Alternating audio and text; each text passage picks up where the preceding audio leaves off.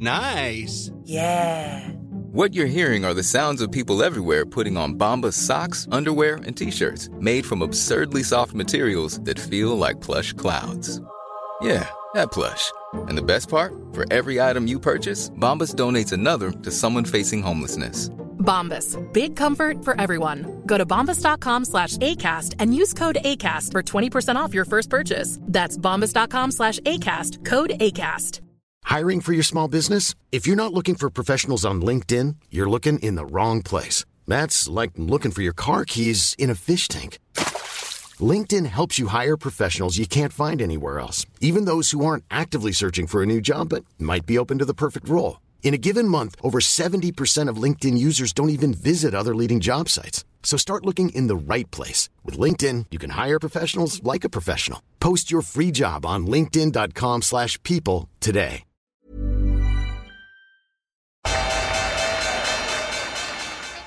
They mistook leverage for genius. Leverage for genius. I would recommend Japan. The governments don't rule the world. Goldman Sachs rules the world. Velkommen til en ny episode av podkasten 'Tid er penger'. En podkast med Peter Warren. Jeg heter Sverre og er produsent og trykker på record og play-knappen samtidig. Og um, uh, i dag har vi egentlig fire temaer, men vi har også åtte-ni temaer. litt av du ser det, Så vi får nå bare se hvor langt vi kommer inn i det. Vi har planlagt å snakke om markedet. Det er jo veldig stort fokus på treasuries nå, amerikanske statsobligasjoner. Eh, det eh, var veldig dramatisk dag på, eller dager på torsdag og fredag, så det kommer til å være mye fokus på det og hva det betyr på, på alle måter. da. Eh, også hvordan det her påvirker aksjemarkedet. Mange som lurer på det. Ehm, det som alltid skal vi vel touche litt inn på Euronext Growth, gamle Hva det heter før i tida? Det var det jeg som prøvde å huske. Hva det, det sier jo alt. Merkur. Merkur Markets var det. Eh, Det var. Euronext Growth, nå gamle Merkur, og da selskapet Element. Eh, det har jo vært en, den største tror jeg den største dollarkorreksjonen ever, i, i, i hvert fall i, i um, enkelte eh, kryptovaluta siden sist. Eh, så blant annet Ethereum var ned den største Altså, den ukescandalen der var det styggeste jeg har sett. Altså. Mm. Og, uh, og det fortsetter jo egentlig bare å falle over helga. Jeg vet ikke hvordan det er i dag. Og det tatt seg opp i dag. Um, jeg vet ikke hva uh, Ja, Peter toucher litt på, på Wall Street Bets og hvordan det kobles til Norge. Skal vi se på hedgefond.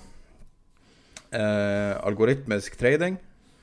Og så har vi fått et artig spørsmål fra en lytter om, eh, om hva er det egentlig som gjør at du tjener penger i markedet. Er det flaks, eller er det dyktighet? Eh, I tillegg så har vi enkelte ting, bl.a. Uh, ARK, det teknologifokuserte ETF-selskap eh, har vært veldig i vinden, og det er veldig mye å snakke om der.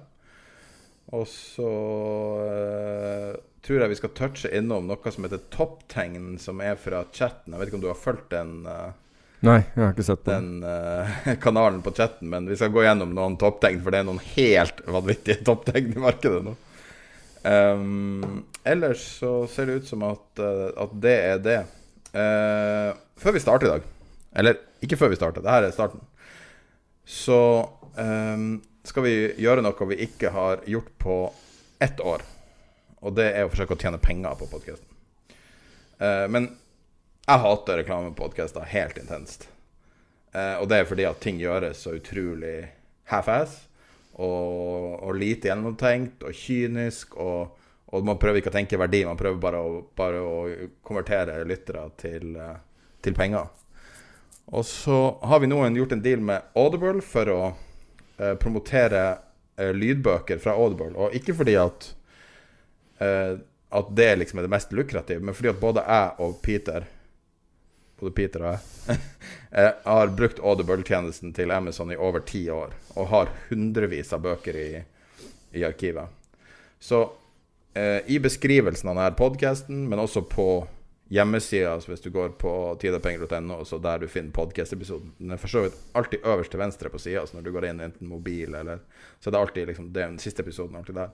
I den beskrivelsesteksten så står det en link til Audible.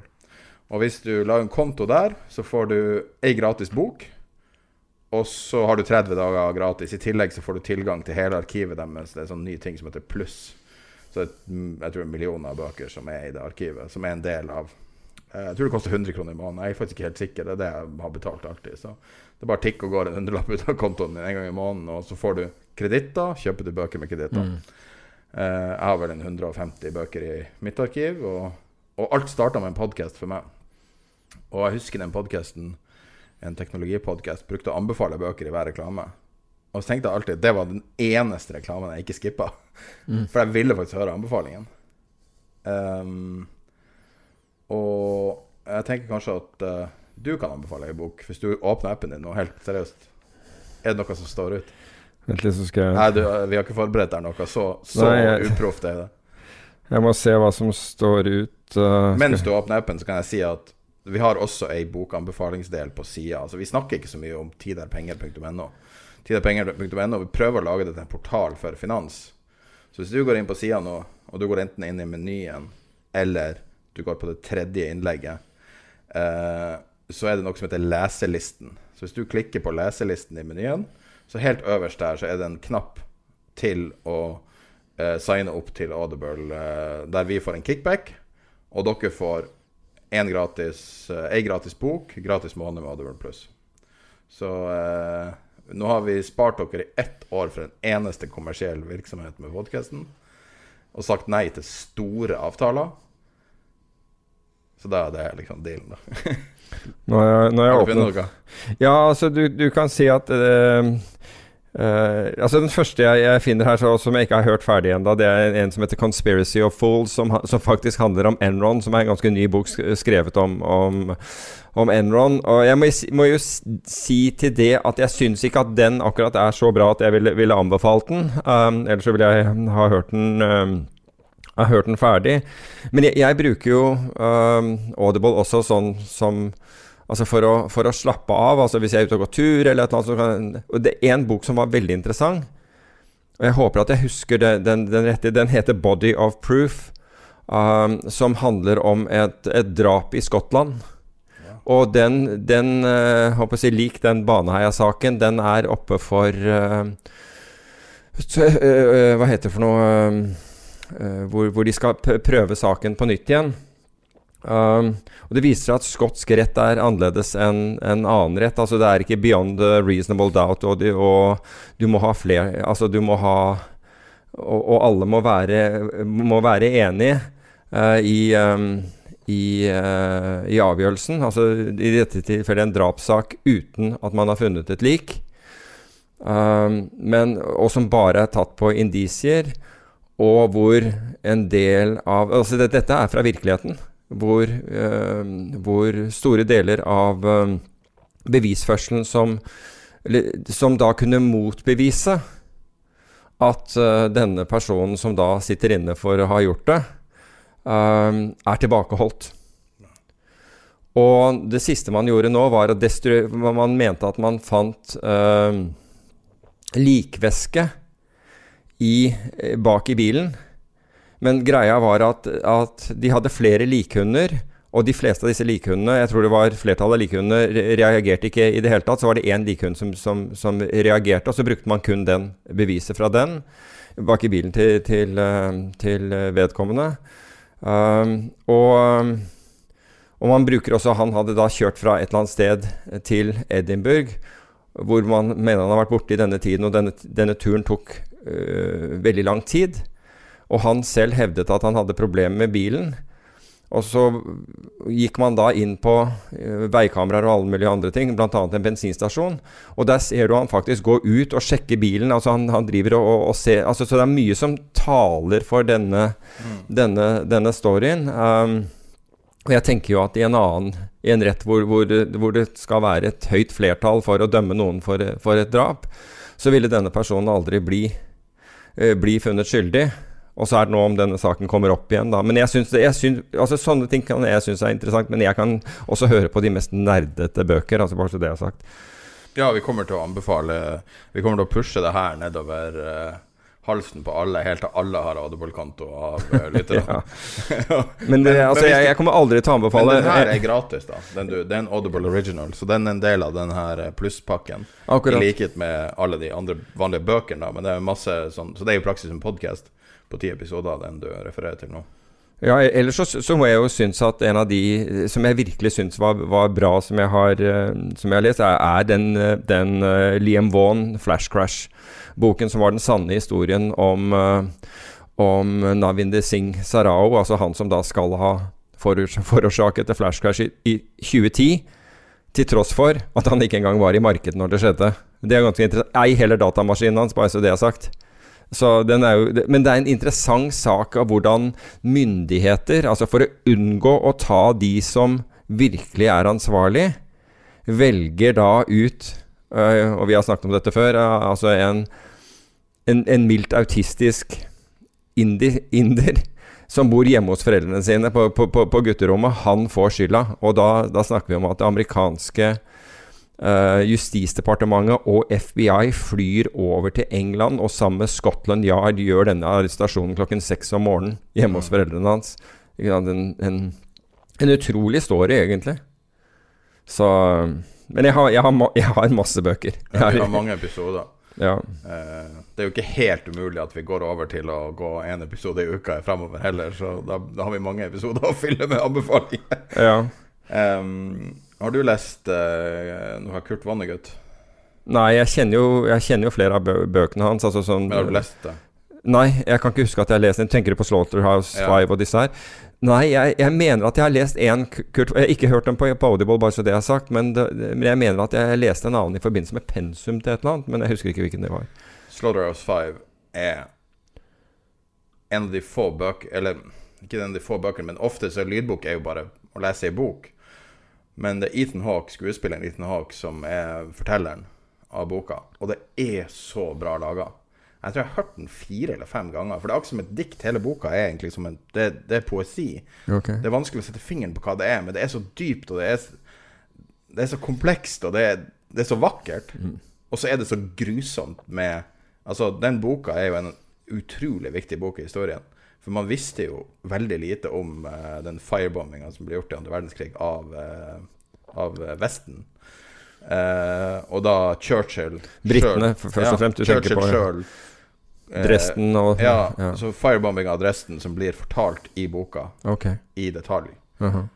Og du tror atombomba er ille, helt til du leser om hvordan det var på bakken i Dresden, ja. der han var. Og 30 eller 40 år senere så skrev han denne boka, som er bare poesi på Altså, poesi, det, det høres så pretensiøst ut, men, men, det er virkelig ikke det. altså og, og, for å samtidig kunne slappe av, fordi at fortellerstemmen er så bra, og produksjonen er så bra, så det er bare Det er liksom sånn man gjør lydbok. Mm. Så det, det, det anbefales på det aller sterkeste. Og det har jo ingenting med å gjøre med finans, men altså man, nei, nei. man har jo andre aspekter i livet. Nei, altså jeg, jeg for all del altså, Jeg tror kanskje at det er vel er, Ja, det er nær 50-50, tror jeg, på det jeg leser om, om det har finans og eller, eller noe annet. Apropos atombomben, vet du hvorfor færre ble drept i Nagasaki, altså når atombomben traff Nagasaki, enn i Hiroshima, eller Hiroshima, jeg er ikke helt sikker på hvordan det uttales. Det er fordi jeg har vært der hvor bomben traff, uh, i, i, Nagasaki. Og det er fordi det er nedi en dal. Altså, den traff en lekeplass. Og det er, uh, det er uh, åsrygger rundt. Mens i, i, Hiroshima, hvis det er slik det uttales, så er det flatt. Så der gikk sjokkbølgen og, og, alt dette altså, rett ut, ikke sant? Altså til, til, hver side. Mens i Nagasaki så traff den da nedi i denne dalen. Så det var årsaken til det. Hva er det som er der nå? Hva sier du? Hva er på Grand Zero nå? Nei, altså akkurat Det, de vises jo hvor den, den traff, og det er et, eh, det er et naturlig nok et, uh, et, museum der nede. Hvor, uh, hvor man ser Og det er jo helt Altså folk ble jo rett og slett forkullet. Altså, du var jo heldig hvis du var så nære det, for å si det på den måten, for da merket du ingenting fra den, fra den, den sjokkbølgen. Men det er Altså, du ser på en måte Det er, det er en illustrasjon på, på, krigens grusomhet. Altså, krig er jo ikke noe annet enn grusomheter i, i seg selv, men du, det, det, det er vanskelig å gå gjennom det museet eh, og, og komme gjennom på den andre siden og, og ikke være beveget av det du ser. Det er det. Ja, nei, det, det, det går ikke Ord, ord dekker det ikke, det. Nei, det er ikke det. Ikke for å forsøke å, å Men ildbombinga av Dresden mm. er, så, er så underkommunisert. Og det er kanskje verre. Fordi at de klarte å skape helvete på jord. Ja. Nesten bokstavelig talt. Altså Når du ser sånne illustrasjoner, f.eks. gamle malerier av helvete, så er det basically det som skjedde på, på den, en by helt uten noe strategisk eh, interesse. Ja, det var vel også snakk om Var det i det hele tatt nødvendig på det tidspunktet. Oh, nei, det var ikke Det var en Og- og- straff av Ja, nettopp. Å, gjøre det. Av Churchill. Og det er veldig viktig å ja, huske ja, det. altså. Det er helt riktig. Altså, men i krig så er det ofte slik, dessverre. Mm. Altså, det er ikke rasjonalitet, men følelser som, som også påvirker. Og ikke minst så kommer andre ting inn, og det er jo liksom politiske karrierer og, og, og, og, mange ting. Som, som dukker opp. Altså, se bare på, bare på stormingen. Nå skal vi ikke gå helt off, off topic her, men, men stormingen av, av Kongressen? Den, den, det er jo ikke en rasjonell handling på noen som helst måte. Den er drevet av følelser og maktbegjær. Kun. Jeg tror du kan argumentere for at det er en rasjonell handling, basert på den personen som har sittet og hørt på det som har kommet mot dem fra jo. den absolutte autoriteten. Jeg skjønner hvorfor folk gjorde det. Jo. Og jeg skjønner hvorfor de ikke dekte ansiktet sitt når de gjorde det. For de trodde de gjorde det rette. De Ja, ja, det- var det- det tror jeg statskupp de forhindra. Jeg er ikke uenig med deg der, men jeg, jeg sier roten til det er, er maktbegjær, selvfølelse, narsissisme. Det er jo det som er roten til, til det som skjedde. Og så tar føl men følelsene til de som var der, tar også fullstendig overhånd når de, når de er der. Men, det er, men, men sånn er det. Altså Koblingen til å dra derifra til GameStop er jo så lett å dra. Akkurat det samme. Det at du føler deg så berettiga. Altså, Ja. Nå snakker vi jo vanligvis om finans, så man kan jo dra koblinga dit også. Mm. Man føler seg så berettiga. Og så har du kanskje ikke satt deg helt inn i hva, hva er egentlig reglene? Nettopp. Og, Og, og, det har vi og, diskutert mye da tidligere. Og det er der det blir drevet av følelser. ikke sant? Det blir eh, drevet av følelser at du føler at det er noe som er urettferdig. Ja. Og så vil du være med og slåss. Og det, det, det skjønner jeg. Og, den, og, den uh, nihilismen de føler, tror jeg mange føler på. En eller annen grad. Jo eldre du blir, det er kanskje vanskeligere. Poenget mitt er at det er drevet av emosjoner fremfor rasjonalitet. da. Fordi hadde du stoppet opp og, og sjekket fakta f.eks. og sett virkelig på dette her Det er ikke gitt at du hadde endret oppfatning, fordi altså koker først uh, denne cocktailen av, uh, av kroppskjemi som vi har, så, så er det vanskelig å få, få, få roet det ned umiddelbart. Men eh, men det er ikke drevet av at jeg, at jeg er fullstendig klar over Altså, jeg har virkelig sett på dette her, og dette her er sannheten. Det er det jo ikke. Det er det ikke. Det var interessant det som skjedde i Texas, der når man At de nesten var for forfrosset til å rebellere. For hva for noe? For forfrosset. Ja, For det altså var ingen konsekvenser annet enn liksom folk sitter og er sur på internett. Men altså tilsynelatende ingen Altså, det her er det mest bevæpna folket på jorda. Ikke sant? Og så, så, så slår de av strømmen, og så er strømregningen din på 100 000 oh, ja, ja, ja, det, sorry, du, ja, nå skjønner jeg hva Altså, du, hva du sikter til. Men altså det, det- Jo, men der var det failure på så, på, på så mange nivåer, ikke sant? Blant annet at man man hadde ikke ville pålegge Altså, det, dette hadde jo no, ikke bare med strøm å gjøre. Dette hadde jo med naturgass og, og, og Fordi det, folk, folk fyrer med forskjellige ting, ikke sant? Når det gjelder dette med naturgass, så hadde man i flere år ønsket å pålegge selskapene å isolere disse, disse, eh, disse rørene. De selskapene hadde sagt at de, de har det motsatte problemet på sommerstid, for det blir så varmt at disse rørene må være. Men det hadde jo det hadde vært man, man så muligheten for at noe sånt kunne skje. Men fordi det ble ikke gjort et pålegg, så valgte da eh, aktørene som, som dette gjaldt, altså selskapene som, som solgte gassen, eller som sto for rørledningene, og ikke gjør det. Texas har også sin egen power Det er vel fire power grids, er det ikke det, i, i USA? Tre. Du er sikker? Ok, greit. Tre, jeg trodde det var fire, men greit nok. Det er tre. Og disse tre power gridene, altså hvordan forklarer du det? Altså nettver eh, elektriske nettverk, er det det beste oversettelsen her, snakker ikke med hverandre. Altså de, de kommuniserer ikke. Altså du har ikke muligheten til å overføre kraft fra et av de andre nettverkene, et av de andre tre. Jo, du har mulig å gjøre bilaterale avtaler. Det har jo San Antonio gjort. det Og det var den eneste byen der det ikke Ok, men, men de andre hadde i hvert fall ikke Slik at det ble ikke overført strøm. Slik at man har på en måte isolert seg, og at ikke dette skal få Man tror jo at det skal få konsekvenser. Altså enten i form av at man endrer infrastrukturen, eller at man lovpålegger andre Altså rett og slett en sånn force majeure-ordning, eller hva som, hva som helst. Nå får vi jo se, da. Men der gikk det jo også mye menneskeliv. Ja. Bare så det er sagt. Veldig tragisk. eh, Litt sånn i det stille, fordi at Ja. den var så forfrosset.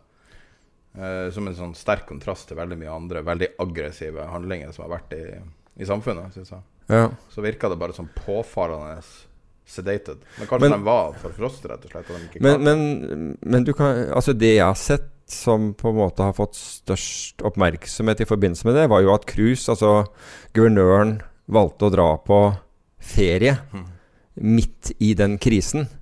Han forsto selv, når han landet Gud vet hvor det var, et eller annet sted med varme strender og Ja, nettopp. At dette antageligvis ikke var det smarteste han hadde gjort, og dro tilbake igjen. Men eh, det, det- ble vel størst fokus på Han var ikke i karantene da han kom tilbake heller, han også var pålagt. det var liksom alt gikk galt. Ja, meg. Ja. Men, eh, men det er liksom Vi har et, et samfunn som er i en eller annen ubalanse på et eller annet nivå. Om det er en ubalanse som må korrigeres, det vet man ikke. Men det er mye som, som presses til kanten. Altså, det med Texas er jo, så, det er jo nesten Jeg vil ikke si ironisk, men det er i hvert fall eh, besynderlig at nettopp Texas ble ramma av det her fordi at de har et sterkt deregulert marked, i likhet med Nå vet jeg ikke om California er like deregulert fortsatt, men altså i likhet med mange stater de har fighta for deregulering av energimarkedet pga. Enron. ja. Og når du sitter Jeg gikk tilbake og så den dokumentaren for hundrede gang. Det er den beste dokumentaren som er laga ever. Uh, The Smartest Guys in the Room. ja. Da var, da Jeg sendte kanskje fan-e-post til hun eh, Til hun eh, Bethany McLean? Ja, jeg, jeg var skikkelig stolt da jeg fikk svar. Altså, så, men hun er virkelig noe for seg sjøl når det kommer til å være journalist. En av de få som virkelig er verdt å Da var kanskje ikke bokvalget mitt om Enron så helt off likevel, det jeg Nei, nevnte Nei, det er innledningsvis. ikke det. Jeg har aldri hørt om den boka. Så. Nei, altså den, den forklarer fra innsiden hva disse Altså med etter, etter omfattende intervjuer med de som var, uh, var uh, involvert der. Altså Lay og hele gjengen. Ja. Nei, så eh, for å avslutte reklamen etter 20 minutter eh, Så ideen her da er at eh, vi kommer ikke til å selge potetgull, tror jeg. Eller eh, pakkeesker fra Biltema. Eller jeg vet ikke helt hva det er som selges i, i reklama. Men vi kommer til å kjøre kommersialisering. Men vi kommer, hver ting vi kommersialiserer, kommer til å være et forsøk på å gjøre ting bedre. Og, og hvis det ikke er bedre, så er det ikke verdt å tjene penger på. Altså, vi hadde som sagt én stor avtale nå ganske nylig som vi sa nei til.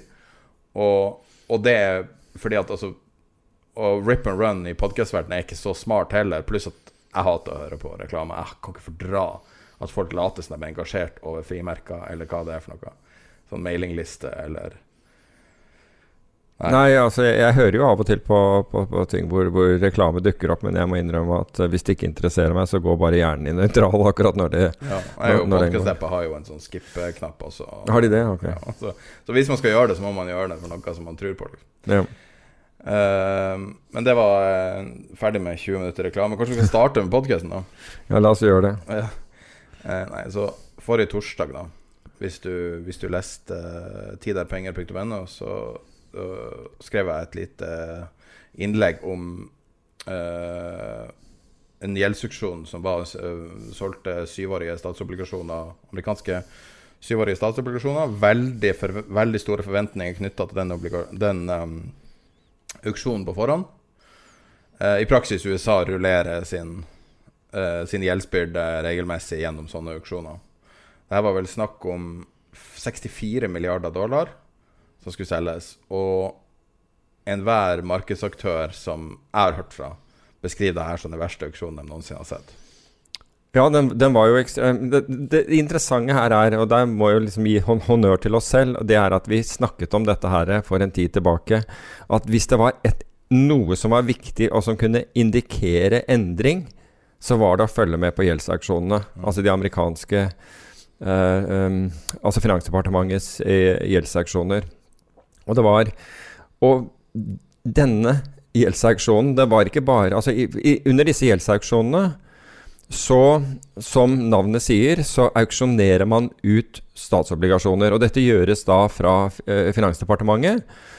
Og typisk så kan dealerne eh, altså de uh, få inntil jeg tror no, noen og 30 av dette, fordi det er viktig å skape et annenhåndsmarked også, at ikke noen kommer inn eh, og tar hele. Men veldig ofte du har noe som kalles bid to cover, og det er bud i forhold til det som tilbys.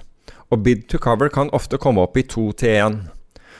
eller med andre ord, en bid to cover på to vil si at, er, at man etterspør dobbelt så mye mange ob obligasjoner som det som legges ut. I dette tilfellet så, litt, så, så, så bys det på en tredjedel. Rett over en tredjedel. Altså det er en ekstrem altså, ja, Kan vi bare være klar på hva du sier nå? Det du snakker om, er indirected accepted, ikke sant? Ja, så du, du har jo to, for, du har to ja. form for acceptance. ikke sant? Altså Noe er da acceptance uh, som, som uh, indirect bidders. Det er, jo, det er jo stort sett utland, utlendinger.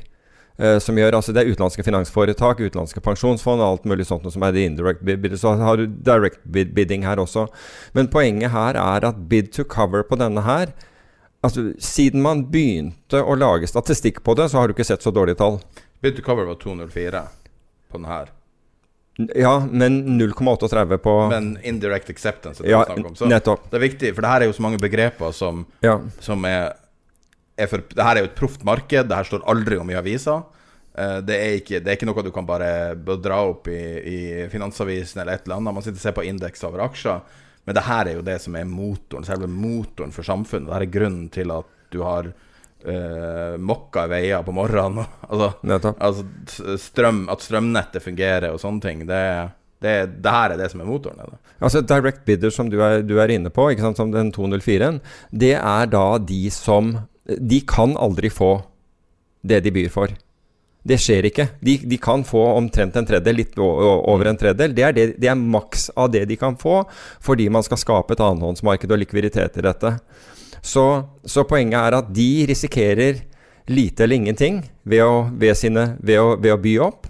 De bare, det at de, de, kommer lenger frem i boka, som det heter. Men the indirect bidders er de virkelige tagerne, ikke sant? Altså Uh, direct bidders er jo broker dealers. Uh, blant annet disse treasury dealers, altså de som er på en måte marketmakere i, i, uh, i obligasjonene. Mens det andre er den virkelige etterspørselen etter obligasjonene. Og som jeg nevnte, siden statistikken begynte altså Det som var så radikalt med denne, var ikke at det var en svak nedgang, et eller annet som skulle få deg til å si at jøss, det der var jo litt dårlig. Men det var liksom en katastrofal nedgang i interessen. Og økt rente. Ja, og, og, hvorfor? Ja, altså Konsekvensen ble jo det. Men altså, hvis det er ingen som er interessert på et lavt nivå, så betyr det jo altså Når vi snakker om lavt nivå, så snakker vi om lavt nivå på renten. Uh, hvis ingen er interessert i på lavt nivå, så må man øke renten i, i, for, for, å få, for, å få, folk til å by. Ikke sant? Akkurat som du senker prisen på obligasjonen, øker, øker da yielden på renten, som er, som er to sider av, av, samme sak. Så dette blir katastrofalt dårlig. Det, det blir så dårlig at ingen tror det de ser. Og det er da vi får dette voldsomme hoppet. Det gjelder jo ikke bare syvåringen, men utover i hele eh, rentekurven. Bl.a. tiåringen, som veldig mange ser på som en benchmark. Det er jo én av flere som da går for første gang opp gjennom 1,40, så går den til 1,50, så ender den da Altså, den går over 1,60. Altså, det er ekstrembevegelser på en dag. Det høres ikke mye ut. Uh, for de som ikke uh, følger med på statsrenter. Men det, det, det, var et, altså det var et så betydelig hopp. Og det skjedde så fort at myndighetene rakk egentlig ikke å gjøre noe med det. Og så begynte selvfølgelig retorikken umiddelbart, da, altså så fort de kunne begynne å, å, å, få intervjuet disse. Men det var ingen, det virket som ingen i Federal Reserve eller Treasury var forberedt på dette, slik at det var ingen der til å, til å ytre noe som helst. Slik at det ble ekstreme eh, selvfølgelig spekulasjoner som følge av dette. Så du den, eh, den res, eh, responsen som kom fra han uh, The Williams, han heter? Det var veldig interessant. Det var sånn tredersjakksvar. Ok. Nei, jeg så ikke Han det. var litt sånn Han kom inn Det var noen spørsmål til han i forbindelse med Jeg tror det var en pressekonferanse han hadde. Og svaret hans var bare Å ja, det Nei, det Nei, det Det tenkt Nei. Eh». Han svarte omtrent sånn. Det hadde ikke han tenkt noe på. Og det tror jeg er et kalkulert svar.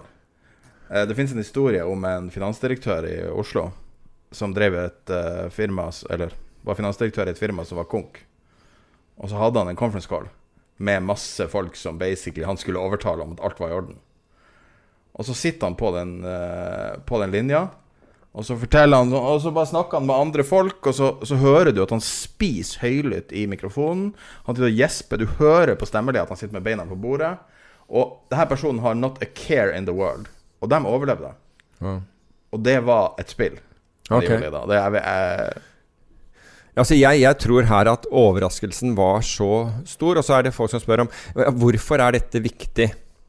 Jo, hvis vi bare ser på amerikanske tiåringen, da, så, så hvor, hvor renten har gått opp tregangeren uh, på et år, så kan du si at hvorfor er det viktig? Jo, fordi USA har rekordhøy gjeld i øyeblikket. Det er rekordhøy gjeld for USA som nasjon, og det er rekordhøy gjeld i bedriftene. Så hvorfor er dette viktig? Jo, fordi når, når renten går opp, så blir også rentebelastningen mye høyere. Så hver gang Det betyr ikke at, at øh, øh, Altså Hvis du har fastrentelån, så skjer ikke det. Men når, du, når, du, når det lånet forfaller, altså for USA, så, så forfaller jo disse jevnlig, og du må da ut og fornye det lånet, så blir kostnadene dine vesentlig større. Og disse summene vi snakker om her, er betydningsfulle. Og det er årsaken til at dette her er viktig. Så kan du si at så var det en som spurte på på vår egen eh, Discord-kanal. Altså hvordan eh, Er dette noe viktig for Norge og f.eks. boligmarkedet i Norge? Ja. Du vil ikke tro det, men jo, det er det fordi den største fundingen i verden, altså eh, lånevalutaen i verden, er dollar. Og norske banker, og for så vidt også Norge, altså staten, finansierer seg i dollar som konverteres til norske kroner. Så hvis du, er, hvis du er, må ut og hente dollar og betale en høyere rente, så implisitt så vil det dra opp renten øh, i, i Norge også. Hvis du ser på den norske tiåringen, så har også den gått betraktelig opp. Um, nesten i takt med den amerikanske tiåringen. I takt. Ja, i, ja det, det er nær nok, i hvert fall, til å, til å kalle det det. Ja, Nesten perfekt korrelasjon. Ikke men, ikke men da kan man jo si at da kan man jo glede seg over en par ting. Hvis man sitter og har f.eks. boliglån eh, opp til pipa, og blir veldig bekymra når du hører det her. Så eh, hvis man eh, Jeg så et sitat i dag som jeg ikke hadde hørt før, fra Bank of America, eh, CIO, CIO-en, altså Chief Investment Officer, Michael Hartnett, som sier 'Markets stop panicking when policymakers panic'. Og i dag panika policymakerne i Australia. Og det her lukter Ja, det, det, var, det var fredag morgen. nei, nei. I dag. I dag igjen? Fire milliarder til i dag. På toppen av de tre? Ja. Ok, den hadde jeg ikke fått med meg. Men fordi på, på fredag morgen norsk Ja. tid, altså da Det var første panikken som Altså, det var første Det var planlagt. Det er på fredagen. Den uh, injiseringa de skal på fredag, den tror jeg var planlagt. Nei, ikke at de skulle injisere tre milliarder uh, dollar. Ja. For det var Så fire det, til i dag. det, var det var den første Ok, det var den første som, det var, de var de første som reagerte, og smalt til tvert. Uh, og, og det gir jo og, og det at de reagerte umiddelbart, får resten av verden til å tenke at å ja, ok, sentralbankene, det, det, dette er det man kommer til å gjøre. Og det var jo også årsaken til- at ting roet seg ned på fredag, i hvert fall en stund. For rentens del så roet det seg, men aksjemarkedet var jo var i alle retninger. Hva du syns om closen til rentemarkedet? Så du så du fulgte closen et, sånn Nei, jeg, fulgte, jeg så uh, close jeg, jeg har sett hva, hva den var, men jeg, jeg satt ikke og fulgte den da. Jeg satt og eh, fulgte, uh, fulgte hvordan aksjemarkedet solgte av. Um, Men gilden bare falt gjennom Altså inn i, ganske kraftig inn i close. Altså US close på fredager Ja. er ganske sedat normalt sett. Folk er full og er ute og spiser og altså, det, det er ingen som er på jobb klokka fire New York-tid, eller til det børsen stenger. 22.00 norsk tid. Mm. Eh, sånn at ofte er volatiliteten lav da? Det er lite du kan gjøre sånn historisk sett, da. Jeg hater slutten på fredag, Ja, for det er da du virkelig kan bli påkjørt. Og det ble folk når eh, du så yielden falt gjennom Altså hele rentebanen falt stupdykka. Ja, ja. Men jeg, jeg, kvart på ti. ja, men jeg tror det der er altså, det lukter Ja, sentralbank. det, det, det gjør det. Det lukter at noen, noen tar noen telefoner og sier du, vi kommer inn. Ja. det kan jo være nok at de bare, som du sier, spør om priser på ting. Ja, som, som var tilfellet før i tiden. Både det tyske sentralbanken og, og ikke minst Bank of Japan brukte det aktivt med å sjekke priser. Altså kalle opp og be, om pri, be, be bankene om priser. Og bare det at de kom på, på Reuterne, som vi brukte i de dager, var nok til at alle Oh, shit, nå, nå skjer det. Nå skjer det. Jeg har også tenkt å sitte over ei sånn helg at alle som Eller ikke alle, men mange som er i markedet, har, var jo i markedet under Lehmann-kollapsen. Og, og alle vet jo hva helg kan bety når ting virkelig går til helvete. Ja. Og det var jo i 87 var jo det helga, og så var, jo, var ikke det før og etter helga. Så fredagen det starta, og mandagen det tok av. Jo, altså fredagen var ned 100 poeng på, på Dow Jones. Og mandag, da er vi ned over 500. Det høres ikke så mye ut nå, da. Men det var Nei, det høres ikke mye ut nå, men, men det var 25 for å si det på den måten, så det, så det, det slo det. Ehm, men, eh, men ting ser ut som det har roa seg kraftig nå. Altså eh, den eh, bevegelsen på tiåring, amerikanske tiåringen eh, eh, på fredagen, altså fra åpninga, er Mm. nå nesten henta inn igjen. Ja, altså Men jeg, jeg, du kan si at jeg, jeg blir liksom sånn derre Hoderystende til det hele. Fordi igjen, altså går man tilbake til at man har tillit til at markedene fortsatt skal bli manipulert. Altså, det er ingen tegn til at markedskreftene får virke overhodet. Altså, du, du så den uroen som var, og det ble voldsomt nedsalg i forrige uke i aksjemarkedet. Hele uken var slik, og, og mye av februar var slik. Du så ekstreme bevegelser intradag, intra liksom på fem minutter, på ti minutter, på 15 minutters uh, basis. Um, og da fins det ikke likviditet. Når noen, altså Hvis noen skal ut og selge et volum, og alle sier til meg etterpå Ja, men volumet på børsen var jo kjempehøyt. Det er jo rekordhøye volumer. Mesteparten av dette volumet er high frequency tradere som kjøper og selger til, til seg selv eller til andre. Dette volumet er ikke reelt når du skal ut og selge og Jeg så på Nasdaq. Du hadde fire ganger bid office-bredden til, til vanlig med én kontrakt på hver side. Én kontrakt på hver side med en full poeng-spredd.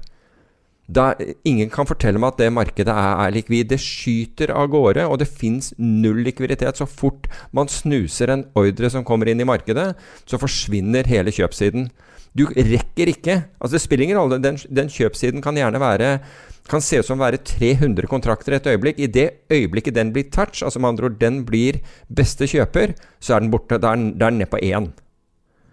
Tror øyeblikk faktisk blir feil term, for et øye, øyeblikk Ja. er ganske tregt. Ja, øyeblikk er veldig tregt i forhold. Det er veldig mye raskere enn et øyeblikk. Du har, du har helt rett. Så, så du kan si at det er forts Vi fortsetter å manipulere, og det er fortsatt en illusjon, det som foregår i markedene, fordi folk tror at dette markedet er superlikvid, er volumene er høye, det er aldri noe problem. Men det er ikke det når det gjelder. Men Treasuries er jo det mest likvide markedet på jorda, er ikke det? Jo. Det er hvordan det bevegde, bevegde Ja. GameStop på en periode. Ja, Det og hvorfor er årsaken til det? Jo, fordi du har high frequency market make- makere der også. Mm. Det er veldig få reelle market makere. Altså det er high frequency, og de, har ikke, de sitter ikke med inventar. Men Altså, øh, så Fed øh, Så nå, nå er, Nei, denne uka, eller kanskje neste uke, kommer USA til å runde 30 000 milliarder dollar i øh, Altså i gjeld. Ja. Uh, gitt at denne pakken blir banka gjennom, for de, de er i ferd med å bikke 28 000, og så er det ca. 2000 milliarder på toppen av det. For jeg bare lov å sette dette i perspektiv. Altså, den Federal Reserve, amerikanske sentralbanken, den intervenerer med 120 milliarder dollar per måned. Ok?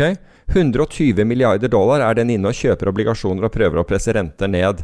Både boliglånsobligasjoner og statsobligasjoner. For å sette det i, i mer perspektiv, det utgjør omtrent 7% av verdiskapningen i USA av BNP.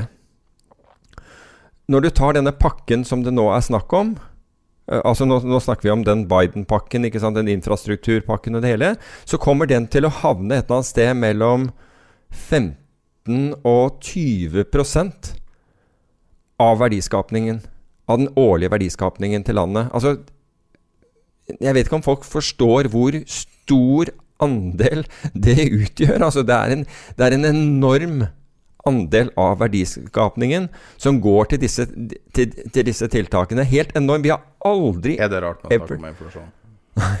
jo, men så kan du si Altså, det, det er jo rart du ja, la, la, oss bare ta noe om det, fordi det, det, er interessant. Fordi folk sier at ja, men hvis renten går opp, så betyr det at uh, det går bra i landet, og, og vi har uh, inflasjon, som, uh, som, du nevner. Det er to typer infla inflasjon, bare så det er sagt.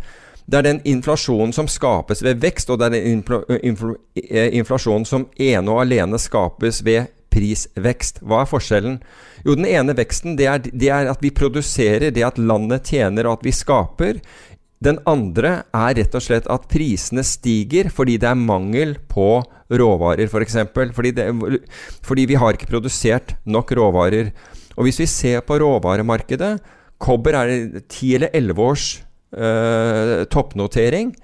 Oljeprisen går. Vi har jo snakket om dette, dette flere ganger, at råvarer var et interessant område. Men vi ser helt klart av råvaremarkedet at det er betydelig inflasjon. Men vesentlig del, av den inflasjonen er ikke skapt av, av økt produktivitet, økt inntjening, økt økonomisk aktivitet. En kommentar til deg. Kom igjen. Jeg har lyst til å være bullish. Sier ikke at du skal være bearish. Nei, nei, nei, bare, bare si hva det er. Super bearish. It is altså, what it is. Alt vi, sier, ja, men alt vi sier nå, er jo Altså, det er vanskelig å være, å være optimist når du hører om jeg vet ikke. Men, Goldman tror, tror på 7% vekst i USA. De, ja, Jeg la ut et uh, notat fra Goldman på uh, chatten, og bare utdrag fra det. Og, og uh, de er optimister. ja. og, har, de, har, de, har, de, noen gang vært noe annet? Mm. Det er jo smarte folk likevel. Altså, jeg, jeg, jeg, vil ikke avfeie dem helt. Nei, nei, overhodet ikke. Og jeg, jeg, tror også Jeg, kjøper den olje... olje um, analysen. Hvordan den, uh, uh, en rekke altså Nå er det basically alle investeringsbankene har skilt seg bak den ideen om at olje er uh, årets store play. Du har Exxon Mobil. Jeg trekker f.eks. Exxon altså long Exxon, long Exxon short Tesla, ja. som har vist seg å være Ja, og det finnes fantastiske måter å utnytte det på, takket være forward-kurven av olje. Ja. men jeg så ett tall som gjorde meg altså Selvfølgelig er det koronapåvirka. Men eh, lønnsvekst Altså det lønnstallet som kom, jeg tror det er torsdag eller fredagen, jeg husker ikke akkurat hva det heter, mm. det, var pluss 10% fra year on year. Så det er i hvert fall noe som er ekte, som er penger for arbeid. For det er jo det, på en måte, det vi mangler. Ja, ja, ja, det vi mangler i hele det her, er en mm, fabrikk som mm. produserer et modell T for da. Mm. Altså Det er jo det som USA mangler, er jo en, en motor. De har skiferoljen, som, gjør at, altså, som er i praksis et selvmord for en stor del av folket. Mm. For det er så destruktivt for Altså, det, det kommer brann ut av springen din, liksom. Altså, går det an å være verre enn det? Men du har liksom ikke den motoren i økonomien lenger. Og så har du Kina, som har klart å utnytte korona til en viss grad, men også der er det masse strukturelle problemer. Mm. Så det er jo det som vi, vi, savner, er jo noe å jobbe mot. En krig og Altså, altså noen må skyte ned Bell-helikopter for å bygge nye for å tjene penger, liksom. Mm. Så nå prøver de jo å jazze opp, f.eks., og begynne å bombe Syria, noe som er helt grusomt. Ut av det liksom første Ja, den var, akkurat den var jo litt overraskende, med, jeg si, men uh... men, men vi mangler bare en, en, motor. Men likevel, hvis man skal være optimist, så i hvert fall det at USA har klart å, å, å nå er, er måneder unna mer eller mindre normalt samfunn med korona. Det hadde man ikke trodd for to måneder siden. Mm. At det skulle gå så fort. Mm. Nå har de snakket om Når du ser på den uh, uh, statistikken over hvor mange som er vaksinert, så ser du at det går så fort i USA nå. Og med den nye Johnson Johnson-vaksinen så kommer det til å gå så fort nå at du kommer til å få en rekyl. Men spørsmålet er jo blir den positiv. Det er vel ikke helt opplest og vedtatt hva effekten av det igjen blir. Forhåpentligvis positiv, men man har jo så stimulert økonomien nå at Ja, ja. Og vi, ja, husk på hvor mye vi allerede har forskuttert her, da. Uh, når det gjelder økonomisk utvikling. Det er en betydelig mengde. Altså Da kan man ikke være som Tesla, at ingenting er prisa inn så lenge det er godt nytt. Så du, uansett så skal det opp. Hver eneste Jo, det- nyhet ja. er ikke prisa inn, Ja. så det må opp. Det, det er jo litt sånn uh, markedene, markedene beter seg også. Mm. Det er vanskelig, liksom. Men det, ja, vi får, vi får se. Altså, det, er ikke, jeg, det er ikke det at man skal se For meg så, så virker det som vi, vi, vi driver og altså, Nå har ikke jeg sett på det der du nevnte, hva var det du sa, toppårsaker eller et eller annet sånt? Topptegn? Å oh, ja, skal vi gå ned? Nei, det var ikke Jo, det. men det, er, det er faktisk litt artig, for det passer inn her nå. Okay. Så vi har en chat på eh, Til tider penger, som er vel en eh, nesten 5000 stykker som har, har vært innom eller er innom. Normalt er det 500 stykker innom i chatten til hver tid. Eh, det er veldig mye seriøs diskusjon. Og det er fordelt på kanaler. Vi bruker den appen som heter Discord, som funker veldig godt. Den, det her finner du på tiderpenger.no live-chat, tror jeg. Det er også i menyen som livechat på tiderpenger.no. Um, og så hvis du går inn der, da, så har, har vi prøvd å, å samle diskusjonene i forskjellige kanaler. Litt sånn som hvis uh, dem som er eh, på min alder, sånn pluss-minus 40, husker IRC fra gammelt av. Eh, som var en sånn uh, chat Det er litt samme, det her er bygd på samme prinsippet. Og inni der så har vi flere kanaler. Realtime er for å prøve å dekke det som skjer i markedet akkurat nå. Og så har du sånn diverse for liksom bare markedsdiskusjon generelt. Og så har du en om koronavirus. En du kan klage over podkasten og si at eh, jeg avbryter Peter. Eller uh, diverse sånne ting. så forskjellige kanaler til forskjellige ting. Og så kan du en du kan dele bare vitser og sånn. Ideen er å ikke plage alle andre med det hvis de ikke er interessert. Og så, eh, dagen etter det som nå viser seg å være den foreløpige toppen på Nasdaq, så lagde jeg kanalen som heter 'Markedet er Toppi'. Og da ideen var bare å prøve å samle alle, for det var så mye folk som delte sånne helt sinnssyke historier om at markedet hadde toppa ut. Altså, du, du vet sånn eh, Han som pusser skoene dine i 1929, begynner å anbefale deg aksjer. Altså, det høres veldig toppy ut. Det er liksom sånn gammelt. Ja, men det er, litt sånn, sånn kjedsommelig å høre folk snakke om det her, at det er jo så mange. Det er så mange sånne historier. Og så har vi da eh, laga denne kanalen, og det har kommet så mange signaler. Så jeg anbefaler Altså, det er vanskelig å, å videreformidle alle, for det er tusenvis av innlegg der om ting som er Og diskusjon rundt det her også. Det er en ganske sånn fri kanal. Altså, du kan diskutere hva du vil der, men det er veldig mye innlegg om ting som er topp i. Men det sykeste kom nå i forrige uke. Jeg kan si innledninga til det er Det var en artikkel i Moss Avis om en syvåring som, som trada krypto, og sa at han tatt tannfepengene inn i krypto, og sa det er så artig, det går jo bare opp hver dag. Han var syv år, og det ble fronta som en gladsak. Men her er Var han inspirert av han koreaneren, eller? Nei, var han, det var kanskje var han var kanskje inspirert av det her. Så vi kan høre nå et innlegg fra NRK. Så NRK lager veldig lite økonomiinnhold. Um, men de da lager uh, det som er basically en fantasi om hvordan finans fungerer, som er Exit, som har ingenting med virkelighet å gjøre. Og så har du da den her barne-TV-nyhetsprogrammet som heter Supernytt. Og de hadde et innslag om shorting av aksjer. Jøss. Og her er innledninga på det.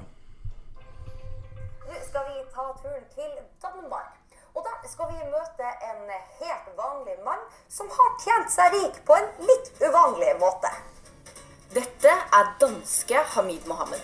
Han er 23 år gammel og er student. Han har også blitt millionær. Men ikke gjennom å jobbe kjempemasse. Han har blitt millionær fordi han har kjøpt aksjer. Men hva er egentlig aksjer? Ok. Så her er da barn i Norge. Det her er jo snakk om sikkert 100 000 barn i Norge. Sitt aller første møte med økonomi, med aksjer. Og det aller første de får, er en salgspitch som sier han her ble millionær, og han gjorde ingenting for det. Jeg skjønner at, uh, at han som uh, satt den på, på, på, på, chatten, oppfattet det som et topptegn. Det må jeg si. Han, han skal, vedkommende skal få min sympati for den. Um, Men det man kan si altså, om uh, akkurat om, om, om, topper i markedet, det er at de Det er ikke sånn at markedet bare bråsnur. Det er i hvert fall veldig sjelden at et marked bråsnur, um, og så er vi i fritt fall. Det tar tid. Det tar som regel tid når det snur. Altså når markedet snur nedover, tar det tid. Når det snur oppover derimot, det kan gå veldig fort.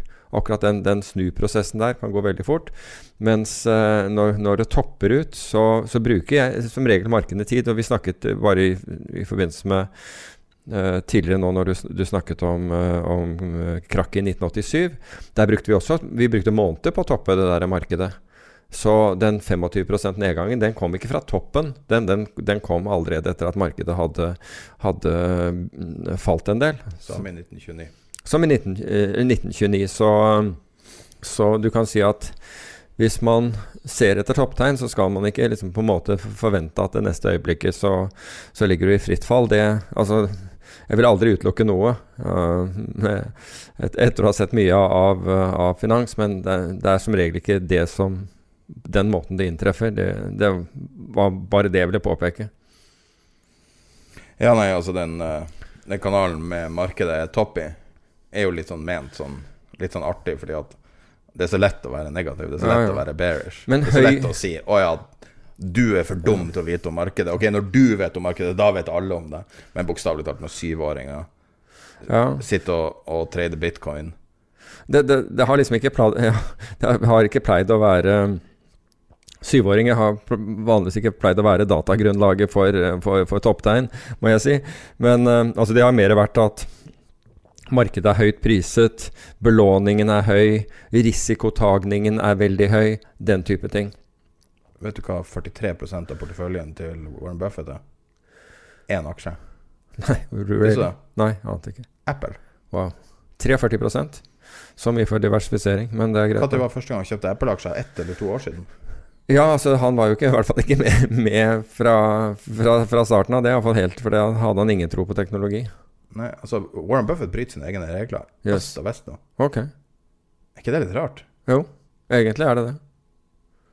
Jeg hadde trodd at han uh, hadde følt at han hadde noe som virket, og at han hadde sett mer på den situasjonen som selskapet Berkshire Hathaway òg, for, for så vidt hans egen økonomi er i. Og jeg tror han akkurat kjøpte tilbake en god del egne aksjer også. Eller at selskapet gjorde det. Um, og, og, tenkte at ok, det, dette, har virket, dette, har virket, bra. Jeg trenger egentlig ikke å, å, gå lenger ut på risikokurven.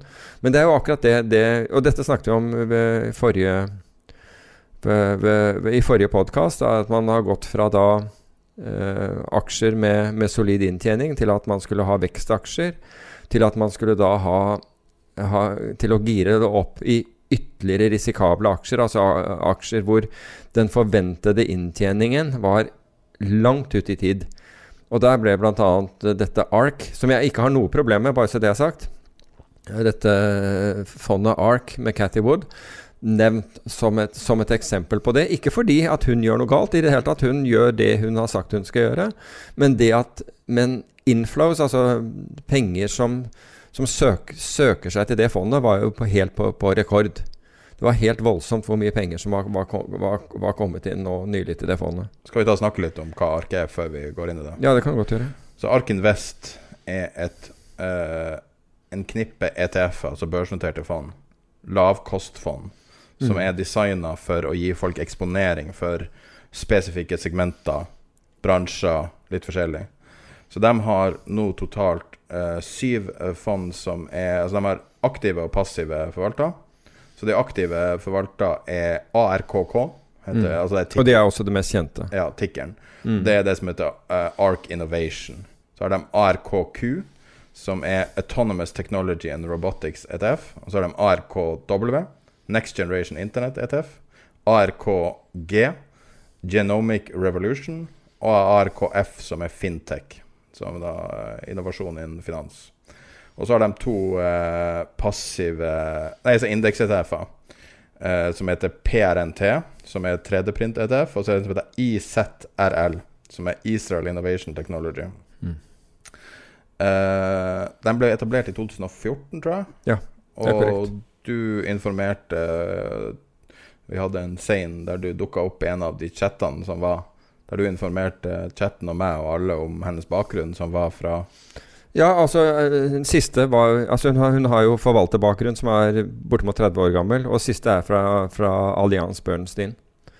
Hvor jeg tror hun var enten 12 eller 18 år. Ja. Uh, Er ikke dem som sier da Pimco i sin tid? jo, eller nei, ja, hvordan Eide Pimco? Ja, sida det er korrekt. Verdens Eh, største Ja, de, de kjøpte uh, Pimco og et, et forvaltningsselskap hvor, hvor jeg var investert i et fondene, husker jeg ble også kjøpt av Som var San, San Francisco-basert. Ble også kjøpt av um, Allianz Bernstein. Så hun har en, hun har en betydelig uh, bakgrunn i det, og hun har jo Apropos altså Nå korrigerte jo dette ARK-fondet kraftig ned i, eh, i forrige uke. Men altså, det var vel ikke Det var knapt en uke før det, eller ti dager før det, hvor hun, hun faktisk i, en, i et intervju hun ga, trodde at markedene kunne at, at de kunne se en korreksjon. At hun syntes at ting var kommet høyt. Så jeg har på en måte sansen for, for henne, fordi hun driver inn, inn, i det, inn i et segment og er veldig ærlig om, om det, seg, det segmentet, altså når hun, når hun uttaler seg. Det er jo det som har vært en av eh, de Kanskje grobunnen til folk tør å kritisere dem. Eh, de har vært veldig kontroversielle, egentlig så lenge jeg kan huske, men spesielt de siste ukene. Um, og grunnen til det er jo at Altså Grunnen til at det er lett å snakke om dem, er jo at de deler alt de gjør. Det har hele tida vært dem. Så så jeg i dag har de begynt å ikke dele alt. Og så viser Oi. det seg at det de deler, er ikke komplett. De deler alle trades, og så viser det seg nå at det ikke, det ikke er komplett. Og, og at det begynner å Det er et veldig dårlig tidspunkt å begynne å stramme inn på hva du deler når det går galt, i tillegg til at de har endra masse sånn eh, Masse sånn juridisk tekst på sida okay, var- over helga. Oi. Og det er litt sånn skummel uh, Dette reaksjon. vet vi er fakta? Ja, ja, du Ja. ser det svart Ok. på hvitt. Det var en Twitter-bruker som, uh, som oppdaga det. Og så står det i mailen deres at uh, liksom, En sånn mail som går ut og ja, det, Så det, er- det er veldig tidlig informasjon, men basically det er et sånn lite sånn her eh, røyktegn om at det kan være ild, men altså, man vet ikke helt om det er tilfeldig. Topp ti holdingene eh, til ARKK, som er det soleklart største og viktigste fondet, og det som står for 90 eller 95% av all handelen, deres største holdings er 10% av fondet Tesla, 5% av fondet Square, altså Roku, Teladoc Health, Baidu, Spotify, Zillow, Shopify, CRISPR og eh, Invitae. Jeg så en oversikt over hvilke av de selskapene som hadde steget i forrige uke. og Det, det var ikke et av de du nevnte, men som allikevel var i fondet, og det var Twitter. Det var det eneste. Mens, mens en serie av selskapene var ned mellom 30 og 20, 20 i forrige uke. I forrige Så- uke så økte korrelasjonen mellom selskapene. Og det er jo veldig Ja, men det skjønner jeg, ikke sant? Altså, du, har en, og, og, og det har du i forhold til eh, Det har du i forhold til krypto generelt, altså bitcoin. Altså det er blitt risk on, risk off. Da altså er det risk off, så, så, så rammes bortimot alt der ute. Hvis du går i regnearket vi bruker, og hvis du scroller ned til rad eh, 100 ca., så er det et klipp fra Financial Times. Aha. Og det er åpne interessen av opsjonene mot ark. Oi. Som du ser, så ser det ut som folk begynner å angripe ark. Ja, det, men der ser du, ja, der er put option-interessen høyere enn call option. Den har jo gått igjennom, så det er tydelig at noen driver og og beskytter seg mot, mot nedside der, eller, eller trodde på nedside. Og hvis de, de, dette var forut for, uh, for forrige uke, så har de jo sikkert fått noe igjen for det. Jeg tror det er fra det. i dag. Det. Eh, ok, men da vil det jo være Altså Hvis den er fra i dag, så vil det være forrige uke, da. Ja. Ikke sant? Uh, tall, tall vi ser der. Så, men det er interessant, det. Eh, Det er bare en sånn eh, Altså, det er sånne rare plasser man finner risk. Jeg tenker på LTCM. Ingen hadde jo Normale folk hadde ikke hørt om LTCM før det kollapsa, og kanskje ikke selv når det kollapsa. Altså, Nei, det var en normale box. folk til, fikk jo heller ikke tilgang til fondet på noen Ja. som helst måte heller, så Og de fleste har jo ikke hørt om ARK heller. Ikke sant? Og, men plutselig har du konsentrert masse masse eierskap, store deler av Altså, De er en av de største Tesla-aksjonærene. Mm. Ja. Og, skulle, og det var, det var en forbausende kommentar fra henne, fordi hun sa at denne nedgangen i Tesla skulle de bruke til å øke sin andel. Hvorpå en kommentator sa det var litt rart, i og med at de omtrent ikke har cash-andel. Hvordan skal de gjøre det? Altså I og med at ARK ikke, så vidt jeg vet, ikke er et giret eh, leveraged fond, hvor skal da den hvor skal da kapitalen komme fra? for, for, for, for å øke i Tesla, når du, når du på en måte allerede er fullinvestert? Og det, er, det var et legitimt spørsmål, syns jeg. Eh, De siste tre ukene hadde de den største outflowen de noen gang har hatt. Altså bare her Eller sist, siste Så mye som tre uker? Jeg vet at de hadde voldsomme outflows i forrige uke. Ja. Det vet jeg. Nå må jeg se på oppløsninga på chartet. Det er mulig at det er bare, det er bare siste uke. Det Ja. er vanvittig spikes ned. Ja, de for har nesten for- ikke hatt outflows siden. For der, der nettopp. Det, og det, det henger mer sammen med, slik jeg oppfatter det òg, fordi det, var, det ble bråsnudd. Altså Rett før det så hadde de jo voldsomme inflows, og så bråsnudde det i forrige uke. Hvor, hvor alle ble redd for alt. Men du kan si at vi så jo vi så jo bl.a. alle disse vekstaksjene i forhold til verdiaksjene. eh, falt jo, altså De to relativt til hverandre, fikk jo, der fikk jo vekst ekstremt juling i forrige uke. Ja. Og det er jo lett å være etterpåklok og si at Og Nasdaq var, som jeg sa i sted, ekstremt tynn. Unnskyld, jeg avbrøt deg. Nei, nei, nei men det, det er jo lett å si at uh, At det er så lett å være etterpåklok og si å, nå har de tapt. Men de har jo, altså, ah, altså ETF-en har jo gått uh, Ark er fortsatt oppe i år. Ja, helt vanvittig. Uh, Men mange av de her vekstingene er ikke oppe i år. Så du begynner å se nå at folk har negativ year to date. Mm, mm. Og det i seg sjøl er litt påfallende. Det er noe vi ikke har sett på en stund. Ja. Og, og det er ikke så betydningsfullt, kanskje, men hvis du er en ultrabull et eller annet, og du begynner å se at hele årlige inntjeninga er borte, og sånn, så kanskje du begynner å revurdere hvor bullish du er. Jeg vet ikke. Psykologisk. Altså jeg, Det virker på meg som men, dette, men jeg tror dette er prisdrevet. Altså fordi det har lenge virket på meg som at vekst var overpriset i forhold til verdi. Altså verdi representert ved aksjer som har god inntjening. Og god og stabil inntjening. Um, men, det var, men så lenge det fortsatte, altså så lenge ikke du så det reflektert på noen som helst måte Det virker som alle blir tekniske analytikere når, når, når bare ting blir gærent nok. Mm. Så, så ser de bare på kurs. Uh, men når det først begynte å korrigere, uh, som, som egentlig skjedde da, da, da uh, Etter min oppfatning da, da 30-åringen passerte opp gjennom 1,60, eh, altså 1,6 altså amerikanske 30-åringen i, i fjor, så så du at det begynte å ryste i det, det markedet, og det ble mer selektivt. eh, og, og du begynte å se nedsalg. Ikke i Norge, for, for ja, du, du så det jo også på, på Merkur og, og ja, som Euronex Growth. Da. Kanskje bli, bli med det navnet, siden det er det det heter nå. Da så du plutselig at nå begynte De, de la merke til det som skjedde ute, og usikkerheten kom inn. Og det var ikke bare å tute og kjøre og, og regne med at du fikk en voldsom eh, stigning. Eh, I Norge har jo også det har vært en smal oppgang, da. Det var jo en din tidligere kollega påpekte det på Facebook.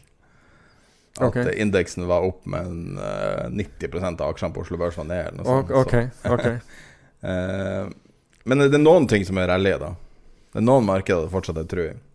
Har du sett den digitale eh, det digitale kunstverket som heter Crossroads?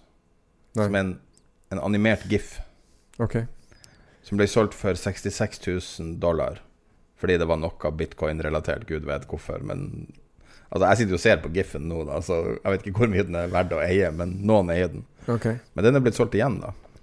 For 6,6 millioner dollar. Det var en som kjøpte den for 66 000 dollar, og så ble den solgt for 6,6. Ja, den det høres ut som en, en bra dags inntjening, spør du meg. Snakk om et derivatmarked. Altså. Ja, det var helt voldsomt, da. Der har du eh, derivat av derivat av derivat. Altså det har eh, Insane.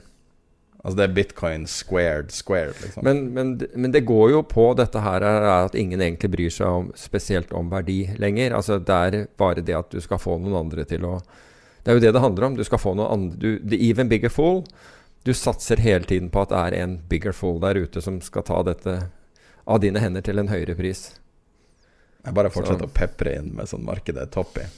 Så hvis du scroller ned til linje 149 på regnearket Det her er et reelt skjermbilde fra CNBC.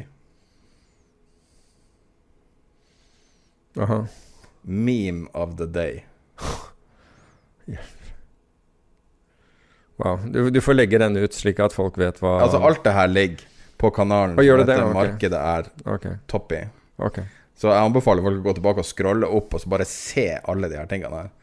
For det er så mange sånne innspill. Ja. Men, men, du kan si at det er jo altså litt mer sånn tradi tradisjonell økonomi. Vi var inne på dette med olje, men, men hvis du ser på Altså Norge som på en måte har vært Nå er det jo grøntfokusert, nå, fordi det, det var, nå var det alternativ energi.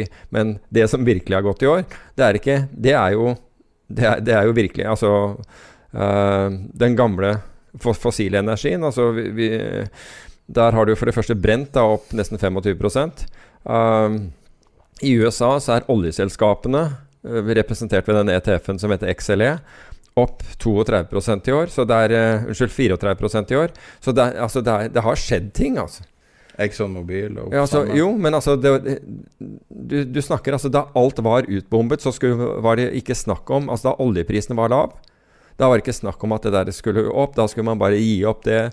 Og, og der ser du igjen. Altså det er Da plutselig skjer det ting. Da, da, blir, da, plutselig blir produksjon borte, noe som gjør at hvis du bare opprettholder etterspørselen, så blir det en ubalanse. Produksjonen lønner seg ikke fordi oljeprisen er så lav. Og så skapes det en ubalanse, og så kommer oljeprisen. Det som ikke har virket like bra, er, er, jo, er jo, på en måte luftfarten og, og flybransjen, også med mye pga. gjelden. Men det har jo blitt hentet inn Nå snakker jeg ikke om Norwegian, men nå snakker jeg om generelt, altså i USA. Helt voldsomme beløp ja. Um, til, til, flyselskapene. Men det er jo voldsomme beløp. børsnotert et flyselskap i Norge i dag. Ja, det vet jeg. Det er rart at de kan børsnotere seg før de har et fly. Det er rart. Ja, men hør her. men det er ikke rart. Nei, det syns jeg ikke er rart i det hele tatt. Du, du børsnoterer jo alt mulig annet. Men ja, men hør her. Du, bør, du børsnoterer jo ting på, på, en, på, på, en, idé om fremtidig utvikling. Har du sett i chatten at folk vil at vi skal børsnotere podkasten? Nei. nei, nei. Jeg har, jeg har prisa oss til 70 millioner. Og bare det? Nei, nei, men det, det, det du, kan, du, kan, ikke være seriøs og komme med en pris på 70 millioner i dag. Det må jo være på milliardnivå for at du skal gjøre men, det. Men altså, jeg tror folk er altså, på fulle alvor og oppriktig vil at du skal børsnotere. Er det mulig Er det mulig å børsnotere podkasten? Vi burde faktisk gjøre det. Jeg, jeg ikke, det vet jeg ikke. Men du, altså, hvis, du kan, hvis, du kan, børsnotere et markedsbrev, så kan du vel børsnotere en, en, en podkast også? Er ikke det å sette det litt på spissen? Jo, det er, det er, å sette det litt på, på, på spissen. Men jeg eier jo deler av børser. Hva sier du? De eier jo deler av børser, de ikke det? Jo, altså jeg vet ikke om vi skal dra hele den der, for, for, det, for det blir liksom sånn veldig fokusert på et selskap. Men jeg, men jeg, har, liksom, jeg har sett på det. Jeg har sett på det der i detaljer. Uh, og, og, du kan si at er, jeg ser ikke den, den, verdien i det hele tatt. Det er én liten divisjon der, som, men da, da betyr at du skal klare å ta Europa. Uh, og, liksom være enerådd Hva sier du? Med podkasten? Nei. Nei. Nei, du er der igjen, du. Nei. Jeg var, jeg var, jeg var, på, jeg var, på, jeg på dette her andre. Men uh, Ja. Men flyr, da? Altså opp 23 nå? Det, ja, er det det? Ja, well done. Altså hva var det, var det, hva var det, det er omsatt for 22 millioner i dag. Var det Branson som sa hvis du, hvis du ønsket å bli millionær i Nei, hvis du, hvis du ønsker å ha en liten formue så start med en stor formue og et flyselskap. Ja, ja, hvis du ønsker en liten formue, så var det å starte Ja, riktig, å starte et flyselskap. Ja. Så, men jo, men altså, jeg kan ikke nok om, om, om, luftfarten til å vite annet enn at jeg føler at Norwegian har enormt med, med motvind. Ønsker de vel, men det er enormt med, med motvind der. Og jeg står på at uh, den der siste emisjonen som, uh, som, Norwegian hadde, ikke gjort av Norwegian, bare for å understreke det, var en ekstrem markedsmanipulasjon. Ja. Ved at man trakk vekk altså, alle muligheter for shortsalg og ordentlig price discovery på, på hva den aksjen var verdt. Skrev, men Avisene skrev om det. DN var veldig aktiv og skrev om dette her er ikke verdt brøkdeler. Og vi fikk ingen price discovery fordi det var ingen mekanisme. Det der var, er etter min oppfatning noe av den groveste markedsmanipulasjonen jeg har sett. Ikke bare det, men jeg, jeg, jeg tok kontakt i markedet for å se hva kunne du Altså hvis du skal selge Du skulle solgt en future, en future-kontrakt. Dette var mens aksjen var over tre kroner. Hvis du skal selge en future-kontrakt på denne, på ett år future-kontrakt, hva, hva byr man? Høyeste budet var 1,5 krone. Det forteller deg akkurat hvor hva bankene selv mente dette var verdt. Og så emitterer man da ut i markedet og konverterer gjeld til fire kroner fordi kursen står på børs på tre kroner. Det, altså, det der er ekstrem markedsmanipulasjon. Ikke, men altså, Finanstilsynet måtte være mer enn kreativ for å, for å klare å, å, å se, den, se, den, der. Og, og det vil jeg ikke Jeg vil ikke tillegge dem det, da, for å si det på den måten. Kjenner du Erik Bratten? Erik Bratten, sorry. Nei. Jeg har bitte litt med han å gjøre tidligere. Jeg, har utrolig godt inntrykk av han. Der. Ja, jeg, altså, jeg har ikke noe dårlig inntrykk av han. Jeg synes han virker som en Altså Hvis én person skal få det her greiene til å funke, og få det som eh, Som Kjos utga seg for å få til Altså Han Mhm. flagga jo ut og sosial dumping og alt mulig de gjorde i Norwegian, som jeg syns er veldig kritikkverdig. Eh, men jeg tror virkelig at Erik Bråten kan ha sjansen. Og i hvert fall kommer han inn på riktig tidspunkt når du får ting for brøkdeler når ingen flyr. Ikke sant? Mm. Så um, men, men det er litt besynderlig at, at ingen meglerhus har tatt kontakt med podkasten og sagt at skal, vi skal vi børsnotere dere? Nei, vet du hva, jeg, jeg syns jeg Jeg er uenig. Jeg syns ikke det er, er, er, er, er, er er, er, er så be- ja, altså, altså, ingenting er, For det første så vil det være for lite til at noe meglerselskap hadde giddet å ta tak i det også. Du må opp i milliarder. For Flyr er verdsatt en milliard nå. ja, det må jo være verdt Du må ha en milliard ikke sant, for ting. For Men hvordan, tikker, hvordan, hvordan er tikkersystemet på Uranix Growth? Uh, hvordan, jeg vet Nei, ikke. hvordan tikker det som hadde passa, liksom? For, for tid er penger? Ja. Måtte være TP, da. Nei, det må være noe mer spenstig. Ok. Sånn som Ja. Whatever. En laks Whatever. eller noe sånt, er ikke det som er Det er ikke så tusenlapp? Jeg vet ikke. Det er, ikke så viktig. Uh, Sorry, jeg skal, jeg skal legge det fra um, Hedgefond. Nei, ja, men vi, altså, vi, vi snakket om det der eh, Vi er vel ikke helt der enda. Vi kan jo gjøre det, men men, men det var ganske interessant å se, syns jeg, det var dette, dette selskapet Element som, Ja, som plutselig emitterte og altså, Eller fikk inn hjørnesteinsinvestorer og kjørte opp kursen fordi de skulle begynne å se på uh, disruptive technologies, altså ting innenfor, innenfor blockchain. Og så blir de da priset på en vanvittig sånn fremtidsverdi.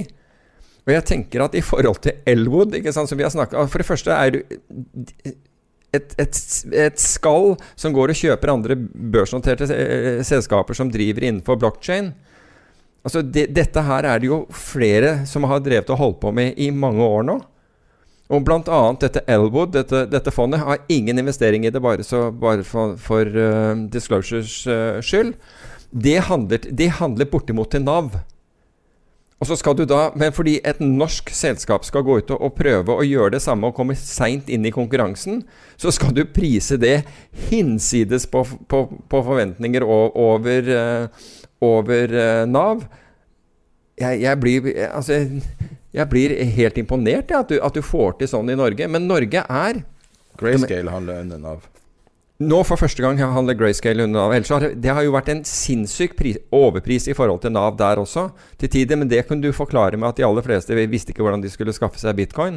Bare for å liksom, nå, nå dro vi litt ut på Uh, uh, på, på vidda der. Men Norge er ikke som andre land. Altså Hvis du tenker på Norge i forhold til hele denne greia rundt Wall Street Bets og, og, og Reddit og den biten der, det var liksom å ta smartingene. ikke sant? Da skulle man ta hedgefond, og man skulle ta de smarte. I, Jeg tror man skulle ta de rike. Jeg tror det var det. jo, jo, men i Norge. Men Norge er liksom Der er det motsatt, ikke sant? Der, der, der støtter man opp om sheriffen i Nottingham, der. Istedenfor Altså, det er ingen som holder med Robin Hood. Det er sheriffen som får Altså, Må du ikke skille Norge som leser Finansavisen og DN, og resten av Norge? ja, Norge i Nei, nå snakker jeg om Norge i, mark i, aksjemar i aksjemarkedet. Hvis en eller annen som har masse penger, går inn og kjøper en aksje, så, flyt, så kaster man seg på og kjøper den aksjen. Mens i utlandet så er det liksom da skal, altså Hvis det er en av de som gjør det, så skal, så skal, så skal man nærmest shorte den aksjen. Eller hvis vedkommende har shortet den, så skal man kjøre den opp. Det er en helt annen mentalitet her. Her, altså er, Norge holder med sheriffen. øh, Det er sant. Det er, en, det er en helt sånn absurd greie. Men det sagt, så er det heller ingen, ikke noe land jeg vet om, hvor finanspressen driver og skriver om enkeltpersoner enkeltinvestorer og hauser opp deres aksjer som, som man gjør i Norge.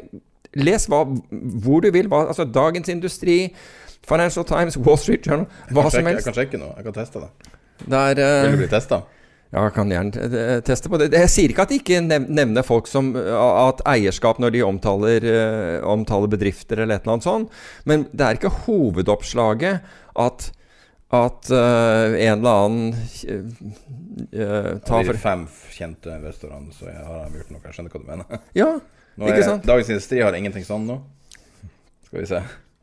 Men jeg er jo helt enig, det Jo, men det er ikke sånn. Det er, det er ikke overskrift i, i Wall Street Journal uh, Andreas Halvorsen kjøper et eller annet. I hvert fall ikke kjøp og kjøp, eller hva det er. Nei, men ikke sant. Det er jo ikke det. Eller, eller Men går, inn i, generelt, går inn i en emisjon. aksjeanbefalinger er ikke vanlig å ha i merittert eh, finanspresse. Nei, altså det er, det er det jeg sier. Norge er, er Det er annerledeslandet når det gjelder det. det. Norge er liksom et eller annet Altså Finanspressen i Norge er et eller annet sted De, de er nærmere Se og Hør enn Financial Times, da. Ja. Definitivt. Eksisterer Se og Hør fortsatt, forresten? Eh, ja, jeg ser sett det på det, var ikke Slåss- mening, det var ikke meningen å fornærme Se og Hør, men, men Nei, det var jo ikke det. Jeg- kom på at det der hørtes kanskje ikke så, så hyggelig ut, men det var, ikke, det, var ikke, det var ikke sånn ment, da. Du har våkna opp med et eller annet Nei, det, nei, det, Et eller annet innabords. nei dette skyldes Red Bull, tror jeg. Å, ja. ja, der har vi Der har vi eh, Skal vi lage en sånn her Nå har vi snakka mye om at vi drikker Red Bull etter før hver episode. Det er kanskje derfor det har litt mer eh, puls. Vi er ikke sponset av Red Bull. Nei, men vi skal bli sponsa av Red Bull. Det er mitt mål. Da har vi, da vi i hvert fall vært en milliard. Det er det jeg sier. Det er i hvert fall verdt det.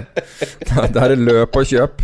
Da er det løp og kjøp. Det høres ut som vi er rusa nå, men det er bare Nei, det er bare Red Bull. Det er Red Bull og Og en kopp kaffe. Red Bull og Nespresso, og, den betaler også masse. Ja, og melkesyre som, som gradvis går ut av muskulaturen min etter en eh, relativt heftig skitur i går. Og at heisen sto her. Ja, at jeg, at jeg måtte gå sju etasjer. Um, Nei da, Se og Hør eksisterer fortsatt. Jeg er inne på Se her. ja, det er- var ikke noe ment Det var ikke vondt ment om, eh, om, om, om Se og Hør, bare så det er sagt. Um, men, Nei, men Det er faktisk et interessant poeng det der med at uh, finansmedia er veldig personfokusert. Jeg har aldri helt skjønt det, men når du sier det, så, så er det jo, det er jo veldig unikt.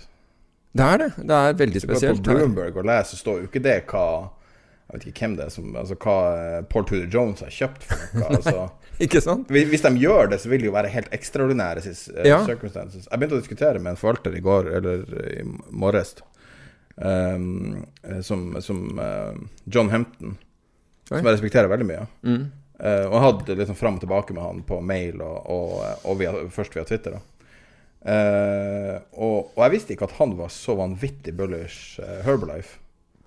Det ante ikke jeg heller. Er ikke det litt spesielt? Altså Det er et selskap som intuitivt jeg reagerer ganske sterkt mot. Altså. Ja.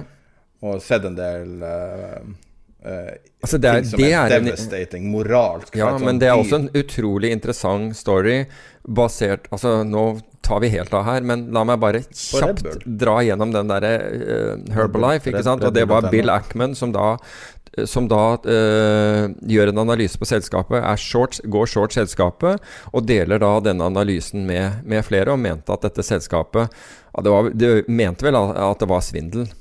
Men altså, summa summarum fra det hele, da, er jo at amerikanske Var det Justisdepartementet eller eh, Finanstilsynet, eller begge deler, gjør en, gjør en forensic undersøkelse av, av Herbalife og bøtelegger dem for nettopp de forholdene som, eh, som eh, Ackman påsto. Uten at det fikk andre konsekvenser at de måtte betale Jeg husker ikke hvor mange Jeg tror de måtte betale 100 eller noe sånt, noen millioner dollar eller et eller annet sånt i, i, i bøter. Så Bill Ackman hadde faktisk rett i det han gjorde. Han tapte penger på det fordi Carl Icahn gikk imot og kjøpte dro opp aksjen og, og, og brukte media for det det var verdt. Så, så Bill Ackman endte med å, å, å tape på det, men det han sa var Herbalife dodges pyramid scheme label and agrees to pay a 200 million dollar fine. Ja. De er- unngikk den stemplingen. Altså det som Og, og Bill Ackman på, vil jo hevde den dag i dag at det er, en pyramide, at det er et pyramidespill. Men de, de slapp det stempelet, men betalte 200 millioner dollar Mm. i, i, i bøter for, for misrepresentation. Hva syns du om uh, Icon? jeg, jeg, ikke min type. Carl Icon, altså. Ja. Faen for en Han virker som en petty jævel. ja altså, han, han, han, tok, han, han tok motsatt posisjon. Altså han virker, jo, han virker jo som en bakgårdskatt, rett og slett. Det er det han gjør. Men uh, Og det at At han elsker Herbalife, syns jeg bare Han er ute nå for lenge siden, tror jeg. Ja, ja, men ja. Men uh... Skal vi se, siden 2016 så er Herbalife opp sånn 30-40 hvor ligger aksjen nå? Jeg føler den ikke. 40, 45 dollar. Ja, det er jo faktisk Det er høyere enn når, eh, når eh, Unnskyld, det er lavere enn når, når Ackman holdt på. Ja, for han gikk vel inn i starten av 2014. Ja, altså jeg mener at den hadde jo en ganske kraftig less, oppgang etterpå, og så tror jeg, mener jeg at uh, Ackman endte med å dekke seg i mitt midt 50-område. Den er ned fra 50 10. februar lå den på 58 dollar. Så det er ganske I år, mener du? Ja. Ok, greit. Så den har blitt ramma hardt nå. helt I det siste? ja. Ok. Nei, men det var, det, det var bare, jeg var bare så overraska over at en så intelligent person som han hadde Og så leste jeg hele analysen hans, for han sendte meg analysen. Mm. Det var bare helt sånn rambling nonsense. Og det var OK, man kan ikke stole på at, at ei stjerne, et geni, eller hva man skal kalle en sånn person som han, uh, at dem, uh, At dem er At dem alltid har rett, da. De kan Mm. ta feil. Og, Mm. og Carl Icahn har jo gjort mye riktig sånn. Men det er også det at altså, det handler bare ikke alltid om å tjene penger. Det handler jo også om liksom, hva som er De, rett had, og galt. Altså, nå, nå har det seg slik at moralsk. Ja, absolutt. Men Icahn og Ackman altså Ic, eh, hadde jo en, en kontrovers fra tidligere. Og det var det som, som fikk Carl Icahn til å, til å kjøre på denne saken her. For de hadde hatt en eller annen meningsutveksling tidligere som ikke gikk i favør av Carl Icahn, for å si det forsiktig. Og så var det Dette, dette var hans hevn. Og den brukte han til, til, til gangs. Men, eh, men nok om det. Ja, nei, jeg kunne omtale intuitivt og uh, Oi. Skal vi gå til nummer to?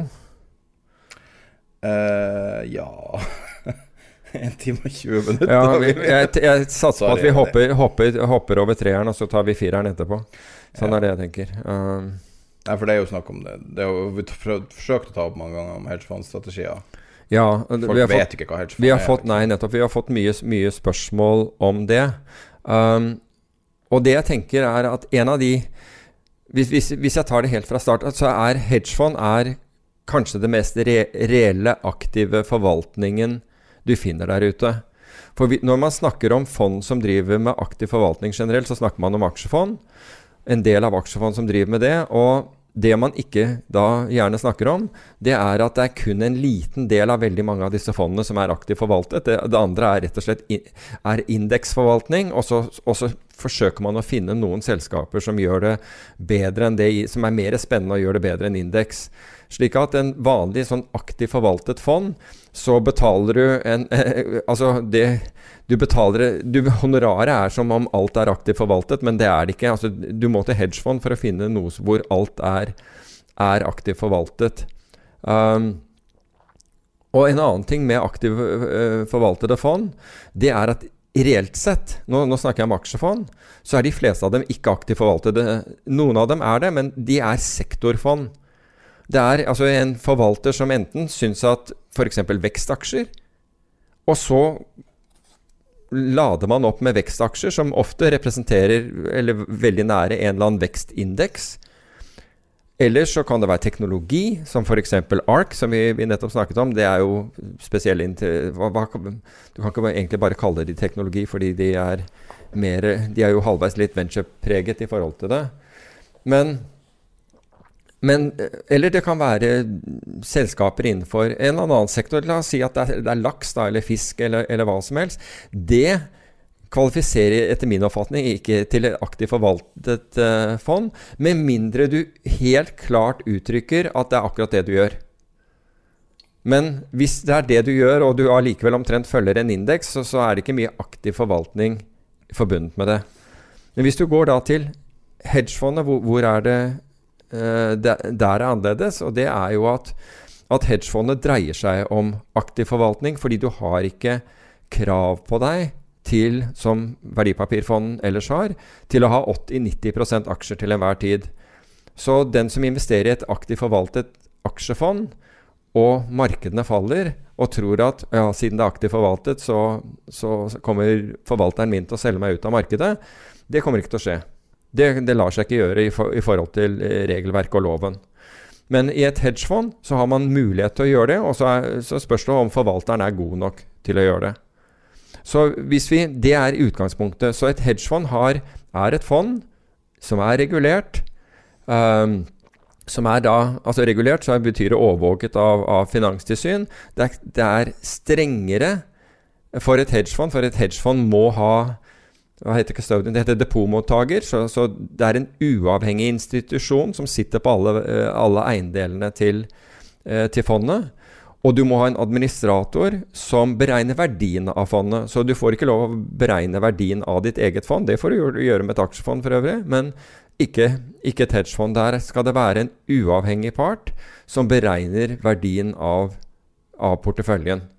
Og det gjøres jo uh, det gjøres da i hvert fall månedlig, slik at man, man får da tall som man kan stole på. Så Hvis vi ser på strategier, fordi hedgefond deler seg opp i, i strategier, og den største eh, strategien det er det vi kaller equity hedge, hvor bl.a. long-short-fondene befinner seg. Og long short-fondet vil si at forvalteren prøver å finne de aksjene de har mest tro på, og shorter da de aksjene man har minst tro på. Så da får du da en kurv av, av virkelig, virkelig aktivt eh, for, forvaltede selskaper. Fordi noen krever det. Ta f.eks. Jeg mener at det er tilfellet med AKO, altså det uh, forvaltningsselskapet som Nicolai Tangen drev. Der tror jeg de hadde egne forvaltere for shortboken. Altså de selskapene gikk short. For å være helt sikre altså Da får du Da sitter de forvalterne kun egentlig og prøver å finne overprisede selskaper. Og de har også ansvaret for risikokontrollen av den boken. Mens det er andre forvaltere som er gode på å finne underprisede selskaper og håndtere risikoen til, til den delen av porteføljen. Jeg skulle bare se på Ako. Så åpna hjemmesida deres for å se om det stemte, om det sto noe akkurat det du sa. Uh -huh. Vet du hva det første setninga på About Us er? Nei. Jeg syns det symboliserer hedgefond. We believe uh, Dette er det han som da forvalter oljefondet nå, som har, står bak. We believe Sto bak? ja, altså. Ja. ja. Men han står bak den setninga, skal jeg tro. okay. We believe that the best way to create strong risk-adjusted return over time is to own the best asset for the long term. Risk-adjusted. Ja. Så det, så det, handler jo da om å skape Altså hedgefond tar ikke, tar ikke nødvendigvis sikte på å skape deg den høyeste avkastning. avkastningen, selv om det er hedgefond som gjør det også. Men generelt så skal de skape den beste risikojusterte avkastningen. Og det er egentlig den som teller, fordi du kan øke risikoen selv som investor hvis du ønsker den. Så hvis du får et fond som har veldig god risikojustert avkastning, men hvor den absolutte avkastningen er f.eks. lavere enn aksjemarkedet, så kan du da eventuelt belåne det fondet, slik at du kommer opp i det, det nivået som, som, aksjemarkedet har i risiko. Og da vil du da få en bedre absolutt avkastning. Det er liksom hensikten. Men i hvert fall, den største delen er da equity hedge, og i equity hedge under der så finner du da long short som den største delen. Du finner fond som er dedikert short. Og hvorfor skal du sitte med det? Jo, hvis du har en long portefølje, altså hvor, la oss si at du har en verdipapirportefølje som helt opplagt, hvis du har det, er avhengig av at aksjemarkedet stiger, så kan det, kan, kan det muligens være greit å se etter noen som, som ser etter overpriste selskaper også og shorter disse. Og det har vært long-forvaltere, unnskyld, short-forvaltere, dedikerte short-forvaltere. De, de, gjør kun shortsalg som har klart å tjene penger selv i den formidable aksjeoppgangen som har vært nå. Det ville du normalt sett ikke forvente. Du ville ofte forvente at markedet måtte stå rolig eller falle for, for, at de skal tjene penger. Men noen av dem er så flinke at de finner da de, som, som, altså de, de selskapene som er så overpriset at de klarer ikke å holde, holde på nivåene sine. Kjent, og det er jo Muddy Waters. Et av dem er helt av de få som er dedikert til ren short. Ja. Så du kan si at du har en serie med, med, med, med slike med slike underkategorier. Da. Noen av de bruker bare fundamentale. Andre er hva vi kaller statistisk arbitrasje, hvor de f.eks. Ser, ser på forskjellen mellom A- og B-aksjer i selskaper. Eller forskjellen på om Ta f.eks. innen oljesektoren, hvor de kjøper de mest underpriste selskapene i oljesektoren og shorter de mest overprisede selskapene i olje, oljesektoren. Og er da nøytrale i forhold til aksjemarkedet og nøytrale i forhold til, til sektoren i, som, som, helhet, men hvor det er bare forskjellen på de gode og de dårlige selskapene som, som kommer frem. Mange gjør dette også innenfor teknologi og andre steder. En annen kategori av hedgefond er såkalt event-driven. Og event det betyr at de, de eh, forsøker å finne katalysatorer som vil få disse verdiene til å endre seg. Og det kan være at de tror på oppkjøp, eller at det er allerede eh, annonserte oppkjøp.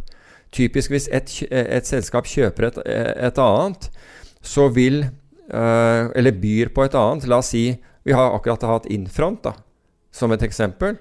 Hvor jeg husker ikke hva den opprinnelige budet på Infront var. Jeg vet at i dag så økte man budet tror jeg, til 40.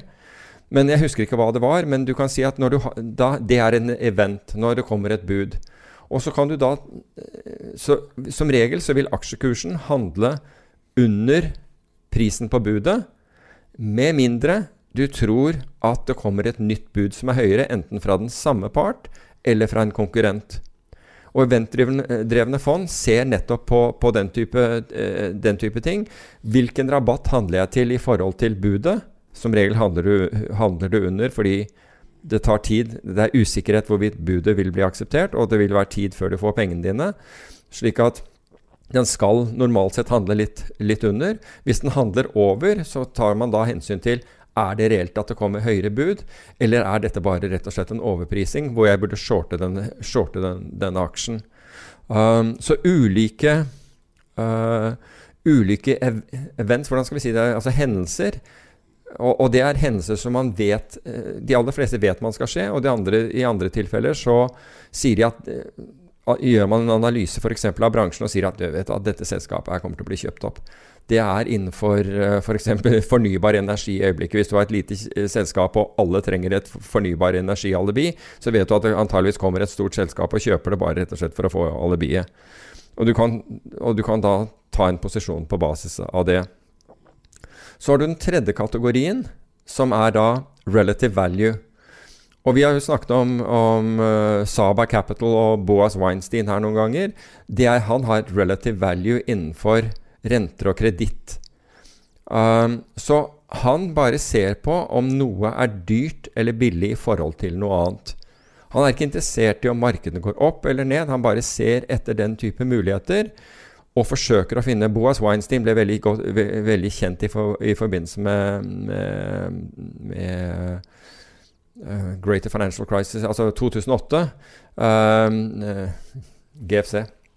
Uh, blant annet, for da, da, ble han, da, ble han, på en måte allmannseie fordi han var stor prop trader, og han ble kjent av boken til Michael Lewis om, om Det var vel The Big Short uh, opprinnelig. Uh, Fondet hans var opp nesten 80 i, i fjor, og han tar ikke markedsrisiko. Han er ikke interessert i, i, markedsrisiko, men ser på altså Tenk deg det er en som da ikke tar markedsrisiko.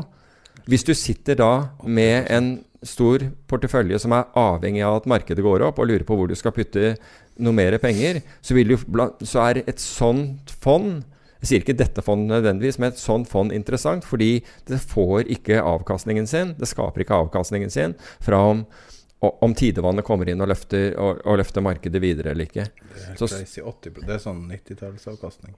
Ja, er, ja. Han, han, er, han, er, jo kjempesmart. Elliot Partners er vel litt De er jo ikke akkurat samme kategori. Ja. Men hvordan vil du kategorisere et sånn type fond? Elliot? Vulture fund, som det kalles. Nei, Elliot er, er vel mer event-driven enn en, ja, Distressed assets. Ja, de gjør jo det også. Uh, jeg bare tenker på dem, hvor du vil putte pengene dine når ting går galt. Liksom. Oh, ja, sånn, ja. At, uh, ja Paul Singer er jo, er jo Altså, han Han er jo for øvrig en av de som er short Tesla, bare så det er sagt. Ja, det. ja. Så uh, Men i hvert fall, det er relative value-kategorien. Og ofte så har investorer behov for det vi kaller pigeonholing, altså det der å finne, altså finne, hvilken kategori du er i. Så hvis du er et hedgefond, så nytter det ikke å, å si nei, jeg er et hedgefond, jeg driver med litt av hvert, jeg egentlig. Jeg ser etter norske småselskaper, men det kan godt hende at jeg kjøper valuta også. Altså det, Da blir du diffus, og de vet ikke helt hvor de skal plassere deg. Kan du si litt om type investorer? For det, det er vel kanskje det som er mest glemt. Jeg tror mange antar at det her er pengene til forvalteren og kanskje andre milliardærer i hedgefond. Kan du si litt om hvem det er som faktisk Hvem det er slags penger, eh, som, penger som blir forvalta, Ja. og hvorfor forvalteren blir så rik også, hvis det går bra? Det, ta den første, altså hvilke typer investorer. Altså invest, de, de, fleste investorene i hedgefond er institusjonelle investorer. Og det er pensjonskasser, uh, det er stiftelser. Um, ta f.eks. Yale, var jo veldig store i, um, i hedgefond. Um, men det det er, store penger, og, og, det du er ute etter Du er i mindre grad ute etter ustabile penger. Altså Det er jo sånn derre som ser på avkastningen forrige måned og vil kaste seg inn i det, og hvis du er flat neste måned, så vil de ut igjen. Altså, som regel så har For øvrig, det er viktig å si at hedgefond har ikke daglig likviditet. Vi hadde månedlig likviditet på våre, men, men ta f.eks. Andreas Halvorsen. Han har vel årlig i beste fall likviditet, og du må gjerne låse opp for tre år når du går inn til å begynne med, hvis det ikke, er, hvis det ikke ble forlenget til fem. Jeg, tror, jeg mener at jeg så noe om, uh, om det. Så, så, du vil ha så lange penger du, du, kan egentlig for å skape det du forsøker å skape. For hvis du blir innløst altså Vår største, største problem under finanskrisen var jo at vi hadde månedlig innløsning, og folk trengte penger. Og når folk trenger penger, så bruker de deg som, eh, som, som, minibank hvis de kan få ut pengene. Så de ville ta ut penger Hvis de satt låst i et hedgefond som gjorde det veldig dårlig fordi de kunne, kun, uh, kun komme ut én gang i året, og de trengte penger, så ville de selvfølgelig ta fra Det spiller ingen rolle om du var lønnsom eller ikke, om du hadde positiv avkastning. De ville gå for det fondet hvor de kunne få penger. Så i sånne tilfeller så er, Altså, jeg tenkte alltid at det å ha månedlig likviditet var et, eh, var et sånn tillitstegn. Men det er ikke sånn i, i krise. Det lærte jeg alltid. Sånn er det ikke i krise, for da trenger de. De trenger pengene sine. Og det var jo flere som sa at vi, vi, vi har ikke noe valg. Vi blir innløst selv. Vi er nødt til å Det var andre fond. De, vi blir innløst selv, så vi er nødt til å, å, å, å få å raise capital. Så, og det skaper da en en tvangssalg som gjør at ja, det, det, f.eks. du hadde et dårligere resultat enn du ville hatt ellers? Ja, fordi du, du har jo ikke noe annet valg. Altså, vi, vi hadde jo et bra resultat hele veien frem til og, og, Men da hadde det hjalp ikke det. Eh, folk tok ut penger for det. Eh, men når vi kom inn i september-oktober, så begynte vi å se veldig mye interessant innenfor kredittmarkedene. Og da tok vi også kontakt med de største investorene, noen av de aller største investorene, og sa at vi ser dette. Men hvis dere fortsatt uh, Hvis dere tenker på å ta ut penger, så går vi Fordi bid-offer-spreddene er, er, så brede. Det var jo 20 kunne være i, i forskjellige obligasjoner. Jesus. Ja, det var helt voldsomt. Um, så, så, tør vi ikke å gå inn i dette. Um, og da fikk vi commitment av tre, og den fjerde sa at vi ønsker å være med dere, men hvis vi blir innløst, så må vi også innløse. Men vi lover å ikke være heavy-handed. Vi syns at det dere sier, er uh, make sense, og at det er en god idé. Men en, og jeg sa også fra at når vi kjøper nå, så handler jo vi på, på, sant, på høyresiden. Altså vi, vi, tar ut selgekursen, men vi kommer til å bli marked mid-market. ikke sant? Altså til, til, til midt mellom kjøper- og selgekurs, i, i beste fall. Så, så, det vil fortone seg som vi taper penger i det øyeblikket vi gjør det, men vi mener at dette her er verdi. Altså virkelig god verdi og underpriste obligasjoner. Og alt det vi kjøpte for, viste seg å være underpriste obligasjoner, men vi måtte jo sitte gjennom den der. Vi visste jo at tallene dermed ville bli dårlige neste måned osv. Ja, og, og, men derfor er det også viktig å ha den kommunikasjonen med, med, med investorene. Jeg har inntrykk av drawdown begrepet drawdown, altså forskjellen fra topp og, og bunn, bunn, av en bevegelse, at det er større viktighet i hedgefond enn i andre markeder. Ja, det, det, tror jeg. fordi altså, investor forventer jo, i og med at du har anledning til å håndtere risiko, altså som jeg nevnte aksjefond ikke har, i hvert fall i veldig liten grad, så forventer jo også investoren at, at du ikke har tap tilsvarende det aksjefond har. Så enkelt er det, og det burde du heller ikke ha hvis du gjør, hvis du gjør jobben din. Så, um, så, derfor så forventer man uh, altså både den, altså hvor lang tid det tar deg Altså at du ikke faller så langt ned når, når, uh, når det går mot deg. Og det andre er at uh, hvor fort du kommer tilbake igjen, er også viktig. Men den, den, fjerde kategorien av hovedkategoriene, det er da makro, global makro, som et av de hedgefondene som jeg forvaltet, var. Og det vil si at du ser på på en måte verdensbildet altså verdensøkonomien, politisk situasjon osv., og, så videre, og prøver å finne feilprisinger i det verdensbildet. Og hvis du har funnet, som, som bl.a. dette med, med, med, med spansk, eh, spansk, boligbygging, som vi fant, via rett og slett pga. en artikkel og gjorde mye jobb på. Og da er spørsmålet her hvordan uttrykker jeg denne traden? Både mest effektivt, men også i forhold til risiko.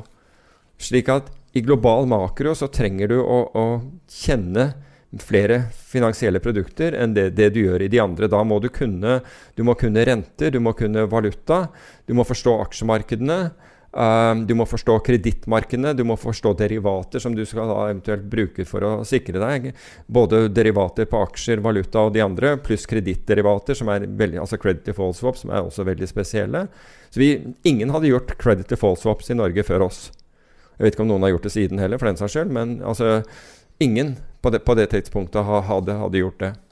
Så, um, så det er liksom Det er, det er de store uh, uh, kategoriene av hedgefond. Og så finnes det massevis av underfond. Det finnes fond som da er rent algoritmiske.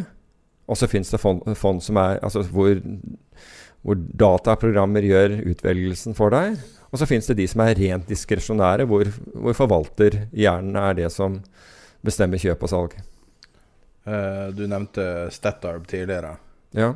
Uh, det er jo den, den, kategorien som var kanskje mest het sånn for en 10-12 år siden.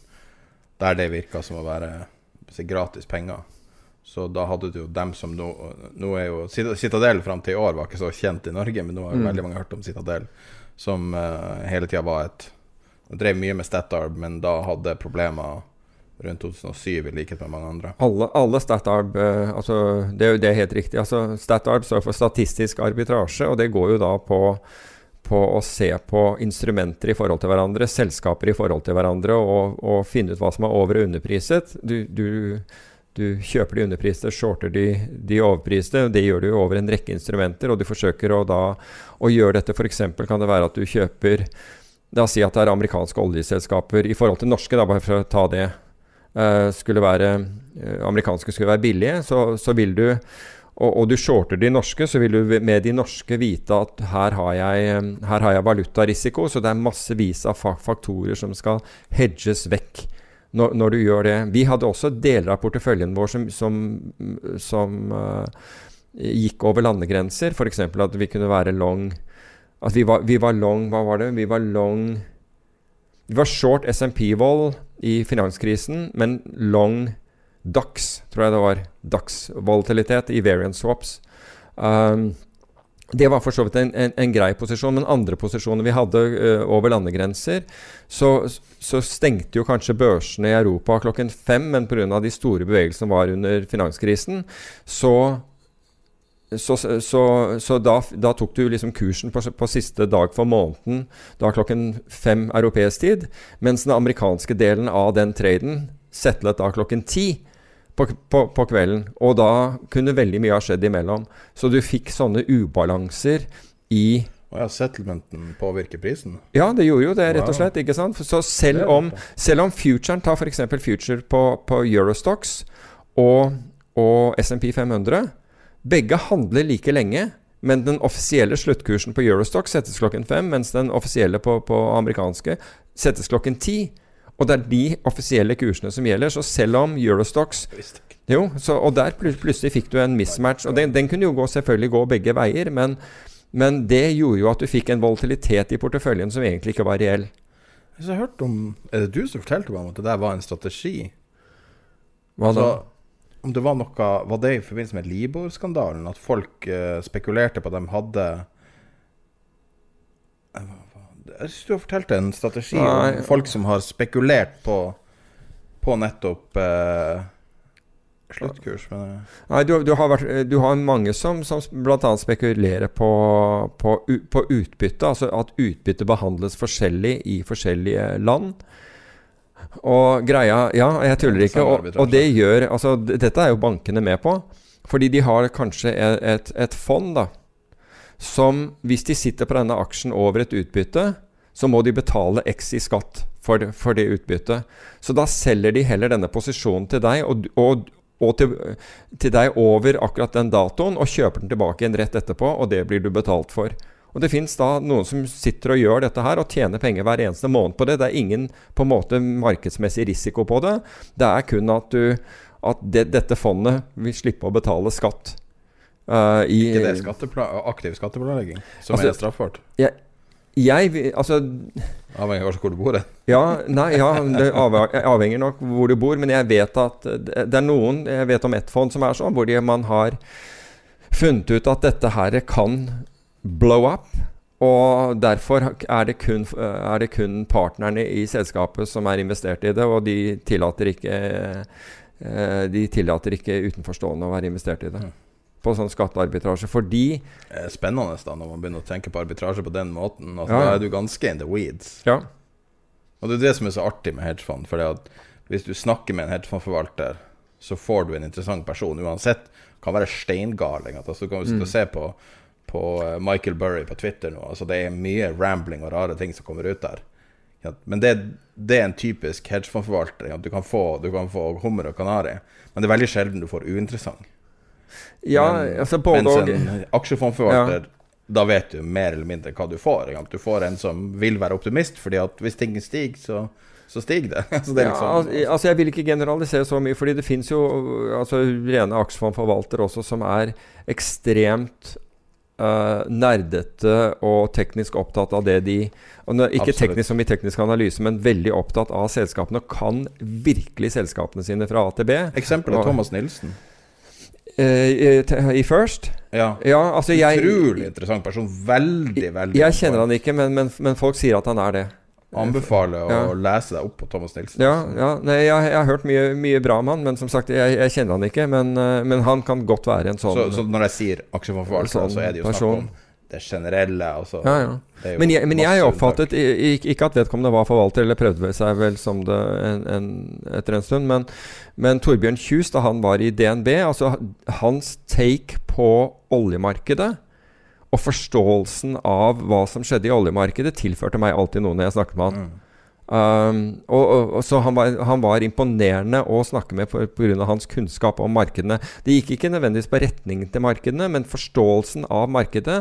Så uansett om jeg trodde at jeg kunne et tema godt innenfor olje Når jeg snakket med han, så ville jeg alltid bli tilført noe. Enten ville det bekrefte det synet jeg hadde, men han ville bekrefte det gjerne med momenter som jeg ikke hadde tenkt på, eller som jeg ikke engang visste om. Eller han ville avkrefte det, det temaet sant, med, med noe jeg ikke visste om. Men uansett så var, så var det verdi i den samtalen. Så, um, Han så var noen vel er den første som virkelig naila skiferrevolusjonen i USA. I Norge, da. ja. Som analytiker. Nå er han vel i Aker. Så vidt jeg vet, ja. Så vidt jeg. Men det er det, altså Hedgefond når, når folk sier de skal starte hedgefond, så må du også for det første sjekke hva er det de skal faktisk starte. Altså I Norge er det klassifisert som uh, spesialfond. Mm. Um, men det kan være Altså det kan være uh, tusen forskjellige ting. Folk sier de forvalter et hedgefond, men egentlig driver de bare og trader en liten portefølje. Altså Det er alt mulig mellom Så man må liksom vite hva man snakker om her. Altså mange, mange er jo rett og slett aksjefond med belåning. Ja. Uh, og, og veldig altså, gjort av folk som har forvaltet kun aksjefond tidligere, og Mm. har ikke tenkt å, egentlig å drive noen spesiell form for risikokontroll. Dessverre. Sissener er vel et aksjefond, sånn som man er strukturert, sånn som man trader? Ja, jeg vil jo, ha altså, Nei, har- så, sorry, et hedgefond, sånn som man trader. Ja, det vet. At du kan si han har så høy korrelasjon med aksjemarkedet at jeg vil jo eh, At jeg vil si at han er nærmere et aksjefond eh, enn et hedgefond. Men hele poenget mitt er at hvis du, hvis du skal være det, da, la oss si at du er som han, da betinger det at du har bedre risikojustert avkastning enn aksjemarkedet. For da er du et alternativ til et aksjefond. Altså fordi du tenker ok, jeg skal ha aksjerisiko. Hvor kan jeg få den beste, eh, beste aksjerisikoen uh, Hva heter det for noe? Risikojustert. Da ville jeg sett på sånn som han. Fordi hvis, hvis du kjører fondet hans øh, og ser på korrelasjon mot aksjemarkedet, så så er den høy. Den er høy. Så, du? Så, så det er den ene kategorien, og det er helt legitimt. Hvis du gir en god risikojustert avkastning, så er det helt legitimt. Fordi jeg tror ikke uh, Sissener eh, sier at fondet er noe annet enn det det er. Jeg er temmelig sikker på at han forteller deg akkurat hva, det, hva, hva fondet er, og, og hva han tjener, tjener pengene sine på, og hva han tror han kommer til å tjene pengene sine på. Og referanseindeksen er Nibor pluss tre, tror jeg. Ja, det kan godt hende. Om det er en riktig referanse eller ikke det, det, det, altså Du kan si til høyere korrelasjon mot aksjer, det- mindre føler jeg at Nibor eh, trerenter pluss eh, Eller Nibor eh, tre måneder pluss en eller annen rente er riktig, men det, er- en annen sak. Men nå, nå kom jo han bare opp fordi vi, vi, eh, vi, vi snakker Eller du, du nevnte han. Det var ikke meningen det. Den andre verdien du kan ha av hedgefond, det er liksom den helt motsatte, hvor pengene ikke hentes fra, fra bevegelsen i aksjemarkedet eller, eller stigningen i aksjemarkedet. Det er, du henter ikke avkastningen din derfra i det hele tatt. Da, da mener jeg at da det er, det er en annen type. Da får du forhåpentlig det vi kaller en lavt kor korrelert eh, investering i forhold til det du, det du allerede sitter på. Med andre du får diversifisering. Reell di- diversifisering. Så det er, det er de to på en måte aller, Jeg vil jo hevde det at de aller fleste hedgefond er på en må, er aller fleste er korrelert mot aksjemarkedet. På en eller annen måte. De er korrelert mot risiko, og dermed blir de korrelert mot, uh, mot aksjemarkedet. Men i den forbindelse så så, så jeg en sak i, i Wall Street Journal i dag som var verdt å se på. Jeg vet, jeg vet ikke om du husker i 2003, så ble det avslørt, i anførselstegn, at partnerne i Fidelity Altså dette, dette er en av de verdens største uh, forvaltningsselskaper for aksjefond. Ikke hadde pengene sine i sine egne fond. Altså de som andre kunne ha. Men de hadde det i et internt hedgefond som het Jodi. Og det ble liksom sånn Hva er det som foregår her? Altså hvis det, hvis, hvis, eh, Hvorfor har ikke partnerne penger i Jodi? Kom igjen. Jeg må stoppe deg før du fullfører. Vet du hva man kaller Vet du hva Jody er Ja, dette i Forsvaret? Dette dette er med? GE. Ok. Men du vet hva Jody er i Nei, Forsvaret i. USA? Det er han som ligger med dama di når du er ute på du er ute på oppdrag. Aha. Så, som Det er Jody. Det er Jody. Veldig, veldig tydelig. Veldig, veldig korrekt navnsatt. Ok, men jo, Jody er jo et kvinnenavn, så det, det betegner jo i tilfelle at, at, eh, at din, din kjære der hjemme da er av eh, Ja. Ja. Unnskyld. Bare kjeft meg fra Abud. Ja, men jo, Jody i dette tilfellet eh, skrives G-E-O-D-E, men i hvert fall okay. Jody Diversified.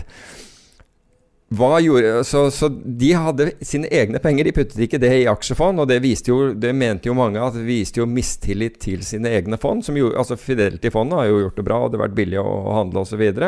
Isteden så gikk disse pengene til et hedgefond. Og da var det jo flere av disse forvalterne som mente at jobbene deres og alt var syklisk, var avhengig av, eh, av hva aksjemarkedet gjorde. Så det var helt fornuftig for dem å ha penger plassert i noe som ikke var avhengig av utviklingen i aksjemarkedet. Så de puttet dem i, i, i Jody i 2003. Nå har beslutningen kommet å stenge ned Jody. Jody kom, ble, no. ja, Jody var på totalt 720 milliard, millioner dollar og ble, er nå blitt besluttet stengt ned fordi Jody tapte så mye penger i fjor. Vet du hva de tapte på? De var short opsjoner. De var short og trodde at Altså, hele inntektene til, til Jody gikk på at markedene ikke skulle bevege seg. Og så vet vi hva som skjedde. Så, så de, de var en XIV. Altså vi husker den der saken. De var på en måte en XIV. De hadde shortet mye opsjoner, både call-opsjoner og put-opsjoner, og tapte 250 millioner dollar i fjor på det, og skal nå legges ned. Så øh, ja, det, jeg vil ikke akkurat kalle det ukorrelert til, til, til markedet, men det var det forvalteren i Jody hadde funnet ut at de skulle gjøre med partnernes penger, og alle syntes dette var en kjempeidé. Det er å satse på at, øh, at verden ville fortsette å fortsette som før, og det ikke ville være noen svingninger. Utrolig umusikalsk å ikke putte penger Altså, du overtaler folk til å putte penger i deg, og så gjør ikke du det sjøl. Det er jo det du skal si Ja. hver gang en økonomisk rådgiver ringer deg og prøver å pitche en idé. Så spørsmålet, første spørsmålet er alltid hvor mye av dine egne penger har du putta i det her? Har du belånt noe? Har du tatt opp kredittkortgjeld for å investere i det her sjøl? Hvis svaret ikke er ja, ja, ja Og selv om svaret er ja, ja, ja, så bør du ha, du bør ha umiddelbar tilgang på en løgndetektor, tror jeg. Fordi eh, de Jeg har hørt mange svare ja på den uten å ha, ha har døyt Helt invester, utrolig historie. im- investert i egne produkter. Men i hvert Jeg beklager at det er dig- digresjon. Nei, nei, men det var, det var for så vidt interessant eh, i og med at vi, eh, vi, vi, vi snakket om, eh, om dette med, med hedgefond og, og forvaltning generelt. Så, de, så det de valgte å gjøre med pengene da, hadde, Fondet hadde gått bra i veldig mange år og drev med helt andre hedgefondstrategier, men i 2020 så hadde de funnet ut at nå skal vi tjene penger. Da volatiliteten var som lavest i markedene før det smalt, da fant de ut at nei, nå shorter vi også volatilitet. La oss se hvor, hvor, hvor smart det er. Det er ganske besynderlig når du får innsyn i de her eh, såkalte eh, geniene på, på Wall Street, eller eh, de her folkene som virkelig har, har alt alle drømmer om. Uh, og så ser du hvordan de reagerer på privaten. Ja. Den der historien fra uh, boka til uh, til Jim Simons om, om hvor nervøs han ble i jula for litt over et år siden. Ja, ja. Og, og det er virkelig Altså, det her er bare mennesker. ikke? Det er akkurat det der. Det er mennesker. Bare fordi du er kjent, betyr ikke det at du ikke blir Nei. redd. Nei. Bare fordi at du er rik, betyr ikke det at du ikke er ensom. Ja, ja, Altså, du er et menneske. Helt, eh, helt uh, riktig. Uh, og jeg, jeg, jeg støtter den fullstendig. Um, hvis vi går til uh, tema tre, for nå begynner jo tiden virkelig å gå. Ja. Um, ja, det var spørsmål du fikk fra lytter. Jeg fikk først noen spørsmål fra lytter, men det, det, jeg har også fått uh, spørsmål nå i det siste fra flere.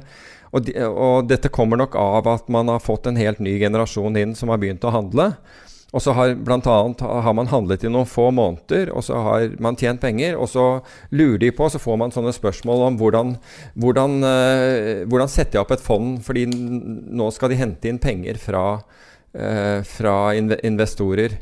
Og da har de kanskje to-tre måneder med erfaring. Uh, og som jeg sier, det er ganske vanskelig å, å, å, å gjøre, og bortimot, bortimot umulig, uh, vil jeg si det er.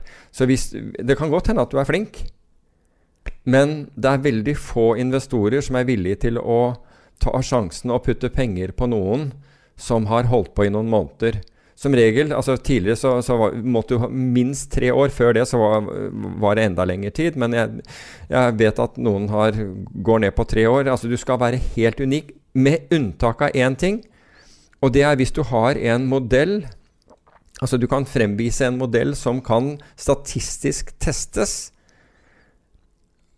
Og den, og med andre ord at den, den gir, og den da testes over lange perioder og viser at den, den eh, kan gi avkastning, da har du kanskje en sjanse. Da har du kanskje en sjanse til å hente inn penger. Men, hvis, men den muligheten du har, det er jo å gå til noen av disse hvor du kan laste opp modeller, og at du kan få de verifisert av andre. Men som regel, altså hvis, det, hvis det er tre måneder med data, så kommer ingen til å egentlig altså det, det kan hende at de, de tester den modellen for deg. WorldQuant kan gjøre det. De kan gå og teste den på fryktelig lange dat dataserier. Men det er veldig få som vil gjøre det.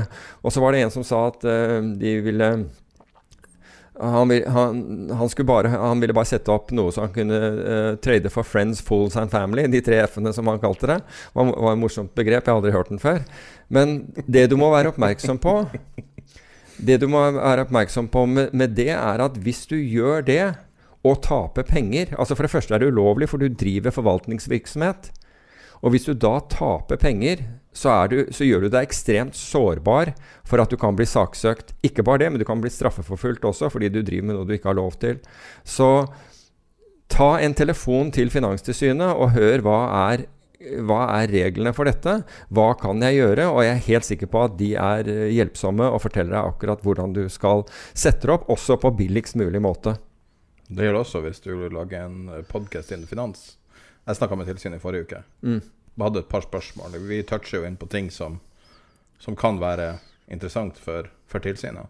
Bare for å ha klarhet i også framtidige ting vi skal gjøre. Hva er det man har lov å gjøre? Og da hadde jeg en samtale 20-30 minutter. Og utrolig behjelpelig. Og kan gi klare, regler, klare svar på hva reglene er. Ja, det er kjempebra. Det er utrolig viktig å gjøre det. Ja, så jeg tror, jeg tror de er veldig dyktige på, på akkurat sånn som det. Ja, det, det er jo det deres rolle er jo til en viss grad det. Å være rådgivende også, ikke bare å være politi. Ja, ja. Absolutt. Jeg tror, eh, jeg tror eh, absolutt de vil være så behjelpelige som eh, som de kan. Så har, vi, så, har et, så har vi et annet spørsmål. Det, det spørsmålet kom i dag.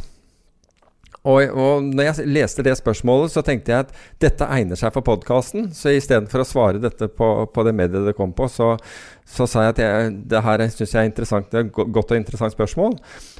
Og vedkommende sier er det mulig å separere flaks fra skills? Og hvor mange år må jeg konsistent, være konsistent profitabel for å kunne vite og føle at det ikke er bare flaks?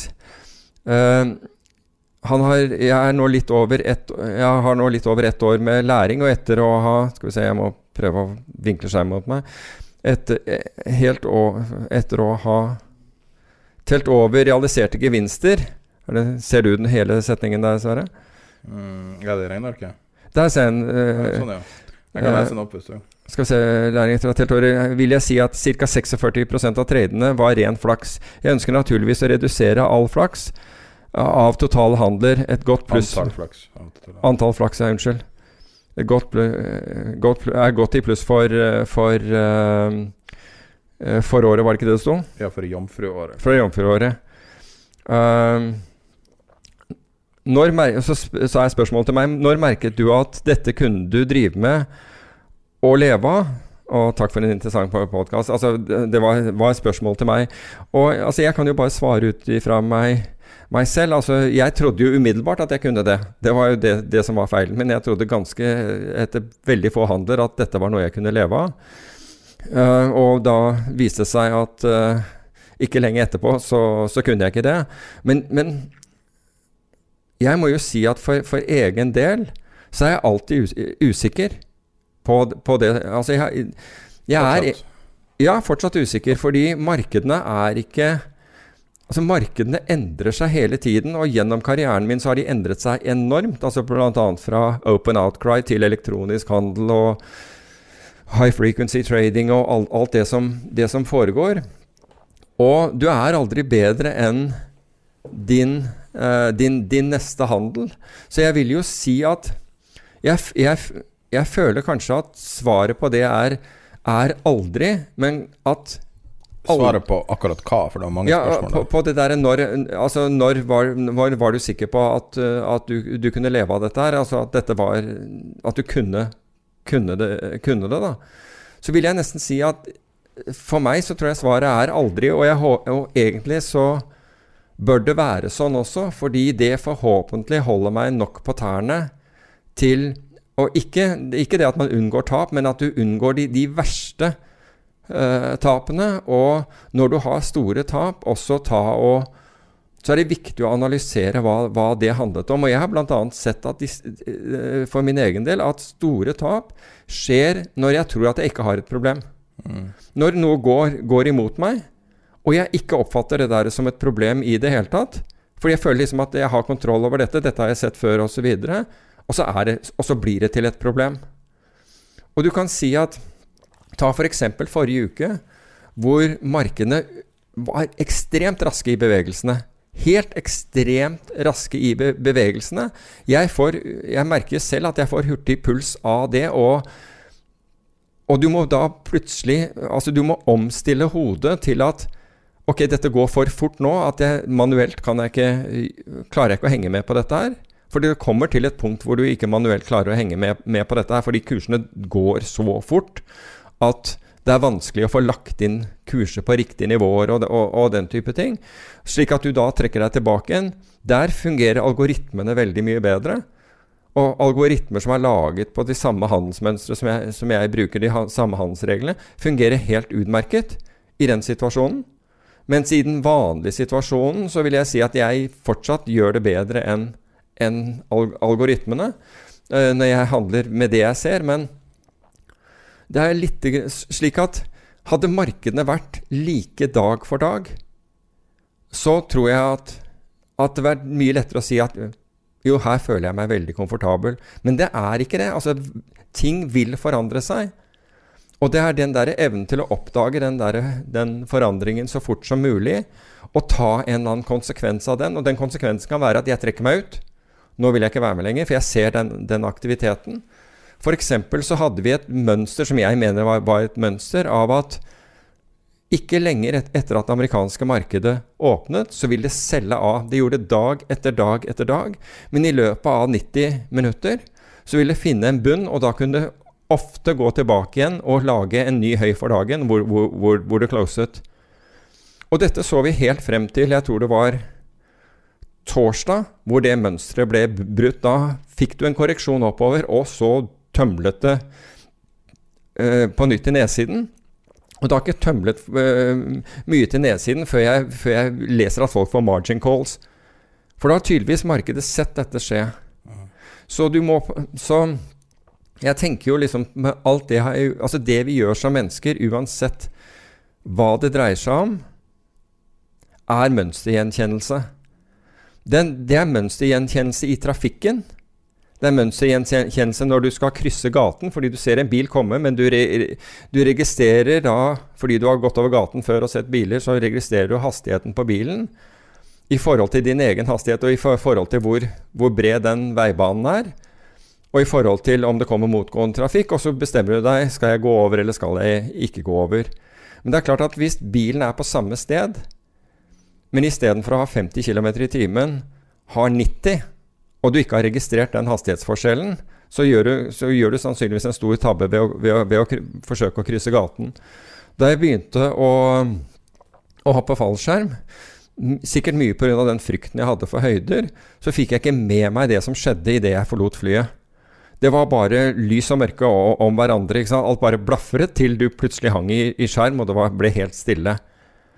Men etter hvert som jeg fikk mer og mer erfaring, så gikk det nesten som sakte kino. Fra vi forlot flyet, så kunne jeg Når vi hoppet formasjon hvor man har grep i hverandre eh, Når man forlater flyet, så kunne jeg Idet vi liksom steppet bak og ut av flyet, så kunne jeg da eh, eh, strekke opp hånden og trykke på, på, ryggen til en som var i ferd med å folde over oss. Altså, fordi han holder, holder, tak og hadde ansikt mot meg, så ville han ofte få en vipp over, og flytte han på plass og gjøre noe annet sam samtidig, fordi jeg hadde kapasitet. Jeg var trent til å ha den kapasiteten. Det samme går når du kjører bil. Du har jo snakket om å dra til Nürnbergring og kjøre. Og det tar tid å lære den banen. og innen, du, du, kan ikke begynne å kjøre fort fra, fra start av, fordi du kommer til å misse innsvingspunktet. Det kommer rett og slett Altså, mengden av informasjon du får, er så stor at du klarer ikke å håndtere den. Og så begår du feil. Alt er mønstergjenkjennelse. Uh, I vanlig trafikken så er det jo 18-åringer, helt nye sjåfører, ser rett over panseret. Ja. Og jo mer eh, erfaring du har, jo lenger og lenger frem ser du i horisonten. Det er jo målt. Ja, og det, det husker jeg Erik Aaby sa til meg når gjaldt når, jeg var helt fersk og kjørte rally også. Det var å flytte, altså det å flytte blikket og se lenger frem enn akkurat liksom, den umiddelbare svingen, men se lenger frem. Hvordan ser Altså hvis du, hvis du driver og kjører langs en elv i en dal, veien går der, ikke sant, Der er sannsynligvis veldig liten, liten sjanse for at hvis, hvis du har si, fjellet på den ene siden og, og, og, elven på den andre, og du har en bakkekam rett foran deg, at veien svinger noe særlig. Altså, da kan du ta sjansen på å holde fullt over den bakkekammen. Men hvis du ikke vet det, og det var jo et tilfelle jeg tror han var med Det var, det var for øvrig også Erik, Erik Aaby, hvor han tar av på en sånn bakkekam. Bare for å oppdage at veien gikk i en, bare en liten sving der uh, utenom et hogstfelt. Så de lander i et hogstfelt. Det var rimelig bråstopp, for å si det på den måten. Um, men det har litt grann med Alt er, er, er, er mønster. Ta f.eks. militæret det samme. Du ser etter mønster som du har blitt trent til å, til å se etter. Når du er på patrulje, så ser du etter hvor er det noen kan være i dette. Altså det, alt er mønstergjenkjennelse. Uh, og det er det der å få inn Det samme gjelder, gjelder markeder. Problemet med markeder, og for så vidt i, i de andre tilfellene som trafikk og annet, er at det uforutsette kan skje. Du sitter og kjører bil på, på, på veien, og et eller annet skjer. altså hvis du ikke følger med, så er det et hjul som tar i noe sånn slush i midtrabatt, eller altså mellom filene, eller noe sånt, og plutselig så går dette sidelengs. Og hvis du da ikke har kjørt en bil som da glipper sidelengs, så er det høyst sannsynlig at, at, du kommer til å miste fullstendig kontroll over den bilen. Kan jeg komme med et par forslag til svar også? Mm. Eh, en ting som vi har snakka om tidligere, er jo hvordan man kan sammenligne trading med f.eks. poker. Der at å håndtere eh, å håndtere eh, Altså eh, størrelsen på bets er en måte å unngå å tape alt. F.eks. å endre fra å være long en aksje til å bare eie via opsjoner. Der du vet hva du kan tape, og du begrenser nedsida di hvis du føler den utryggheten. Altså det er mange grep du kan gjøre for å få bedre og bedre fotfeste. Ja. Annet enn bare å håpe på at alt går bra, krysse fingrene på at ting skal gå til himmels. Fordi at man har funnet ut en måte å manipulere en aksje på, eller et eller annet sånt. Ja, det er jo en veldig sånn gamblingform for investering. Og det er jo liksom, hvis du går tilbake og hører de siste 97 eh, andre episodene, så vil jo det komme igjen og igjen, det der med å, hvordan du sizer bets, f.eks., er en veldig stor del av Men hvis du, altså for å ta ditt, eh, din, um, di- jeg håper å si ditt forslag, da, eller din, ditt innspill Hvis du kjøper opsjoner, så har du to fordeler. Og nå setter jeg ikke hvis du handler opsjoner generelt, men hvis du, hvis du er kjøper av dem. Altså ikke hvis du utsteder, da kan det gå som Jody gjorde, men hvis du er kjøper av dem. Det ene er at du har en naturlig stopplås. Den er der, og den vil være der, altså med andre ord den premien du har betalt. Så hvis noe forferdelig skjer i løpet av en weekend hvor du ikke kan reagere, så vil du ikke risikere en gap-åpning ned hvor du skylder mer enn det du har puttet inn. Det er det ene. Det andre er belåningen som Altså hvis du istedenfor å kjøpe aksjen, gjør det via en opsjon, som da, hvor du putter opp mindre penger, som gir deg på en måte en giring som opsjoner kan, kan gjøre, så er det en belåning som ikke kan tas fra deg av et bank eller meglerhus eller et clearingfirma som plutselig setter opp marginen. Så den er non-recourse. Og det er også verdt noe. Det tenker ikke folk på. Men det at ingen kan plutselig si til deg Du, du er nødt til å likvidere den- denne posisjonen fordi, eh, eh, fordi vi, vi, vi krever tilleggssikkerhet, den slipper du hvis du eier opsjoner. Så opsjoner har en verdi og fyller det behovet som du, du snakker om. Det er også et mer komplekst instrument, så man må lære seg instrumentet uansett. Men du har de to store fordelene. Den ene er at du har en stopplås begrenset til premien du har betalt, og det andre er at den implisitte belåningen Jeg sier implisitt fordi du, du har ikke tatt opp et lån, men den implisitte giringen som ligger i opsjonen, den, den er sikker. Du, den kan ikke tas fra deg. Ingen kan si at 'nå skal jeg ha mer sikkerhet', eller 'du får ikke låne, låne penger mer', eller et eller annet, et eller annet sånt. Den, den kan, du ikke, kan du ikke bli fratatt. Så, så sånn sett har det en, eh, en, en fordel. En andre tingen, altså bare for å svare på en av de eh, litt mer på det vedkommende spurte om, det er jo å teste det man gjør. Altså det mer erfaring du får, det mer vil jo på en måte eh, tallene, statistikken over det du har gjort, være relevant. Og det vil være mer skill, altså dyktighet, enn flaks involvert. Ikke sant? Hvis, du, hvis du har tre handler gjort, så, så vet du ikke noe om dette. Hvis du har gjort 200, så vet du definitivt en god del mer om det. Men igjen, det menneskelige Det er, det er mennesket som er sårbart her. Det er deg som aktør. Og du må også håndtere din egen sårbarhet, din egen evne til å være på en måte den samme hver eneste dag og være like disiplinert hver, hver eneste dag. Og det er krevende. Det er ikke krevende hvis det, dette er programmert inn i en algoritme, men som menneske så er vi utrolig sårbare. Vi er utrolig eh, eh, labile når det gjelder vår egen syke. Uansett, du kan tro du er så sterk som bare det, men du er ikke den samme hver eneste dag. Du blir påvirket av en rekke faktorer. Det kan være ernæringen din, hydrasjonen din, eller noe som har skjedd, eller noe du har sett, eller noe du har fått høre. Mange ting vil påvirke oss, slik at vi er ikke den samme. Så du må også vite litt om hva er, hva er den strategien jeg driver med nå? Hva er den mest sårbar for? Og hvis du sier ok, den er mest sårbar for dette, så prøv å eliminere den. Kan være gjennom en stopplås eller et eller annet sånt. Det er mest sannsynlig da at du får et, et resultat som du da kan stole på. To timer og tolv minutter. Det jeg skylder på eh, reklamekjøret som vi har begynt på nå. uh, bare for å rekapitulere det meste av de tingene som du uh, hvis det er noen Altså alt fra Hvis vi starter på starten med de boktipsene som går, de ligger i beskrivelsen.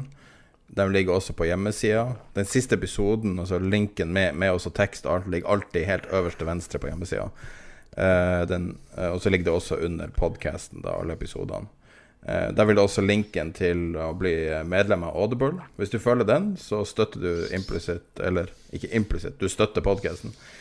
Og, og, det vil men det, kost, det, koster ikke noe ekstra å nei. gjøre det via den? Nei, nei, altså det, er jo, det, er jo, gratis måned uansett Akkurat. Men det er jo vi, vi, ber ikke om så mye, liksom. um, og så hvis du har uh, lyst til Hvis det er noen uttrykk Det er utrolig mange uttrykk i en sånn episode. Og i dag, altså CDS f.eks., som vi ikke gikk i noe detalj for å beskrive, så vil det ligge under den kategorien som heter Finansopedia. Uh, den er ikke ferdig. Noe av det er bruker sånn eh, si mellomtekster, men den blir bare mer og mer fyldig, og der kan du bruke det som et oppslagsverk, og også historie og diverse ting. Eh, du kan også, hvis du eh, har lyst til å følge Tid er penger på Facebook, så har vi en gruppe der. Da søker du bare på Tid er penger, også link i beskrivelsen. Hvis du har lyst til å være med på chatten, så kan du gå inn på tiderpenger.no, og så gå i menyen, og så finner du livechat. Eller hvis du ikke gidder det, så tidapenger.no skråstrek live mellomrom chat, nei, bindestrek chat. Vi har også en liten test vi fortsatt er i tidlig, tidlig alfaversjon, som er jobbannonser innen finans. Og vi har noen jobber som ligger ute på tiderpenger.no skråstrek jobb. Eh, så det er det. Vi kommer sannsynligvis også til å begynne å lage hyppigere episoder, siden vi nå lager episoder på 2 timer og 14 minutter. Um, så um, ja. Da er det bare å takke for oss. Og så er vi tilbake om ei eller to uker. Vi får se når vi starter å om. Hey, it's Paige DeSorbo from Giggly Squad. High quality fashion without the price tag. Say hello to Quince. I'm snagging high-end essentials like cozy cashmere sweaters, sleek leather jackets, fine jewelry, and so much more. With Quince being 50 to 80% less than similar brands. And they partner with factories that prioritize safe, ethical, and responsible manufacturing. I love that. Luxury quality within reach. Go to quince.com slash style to get free shipping and 365-day returns on your next order. quince.com slash style.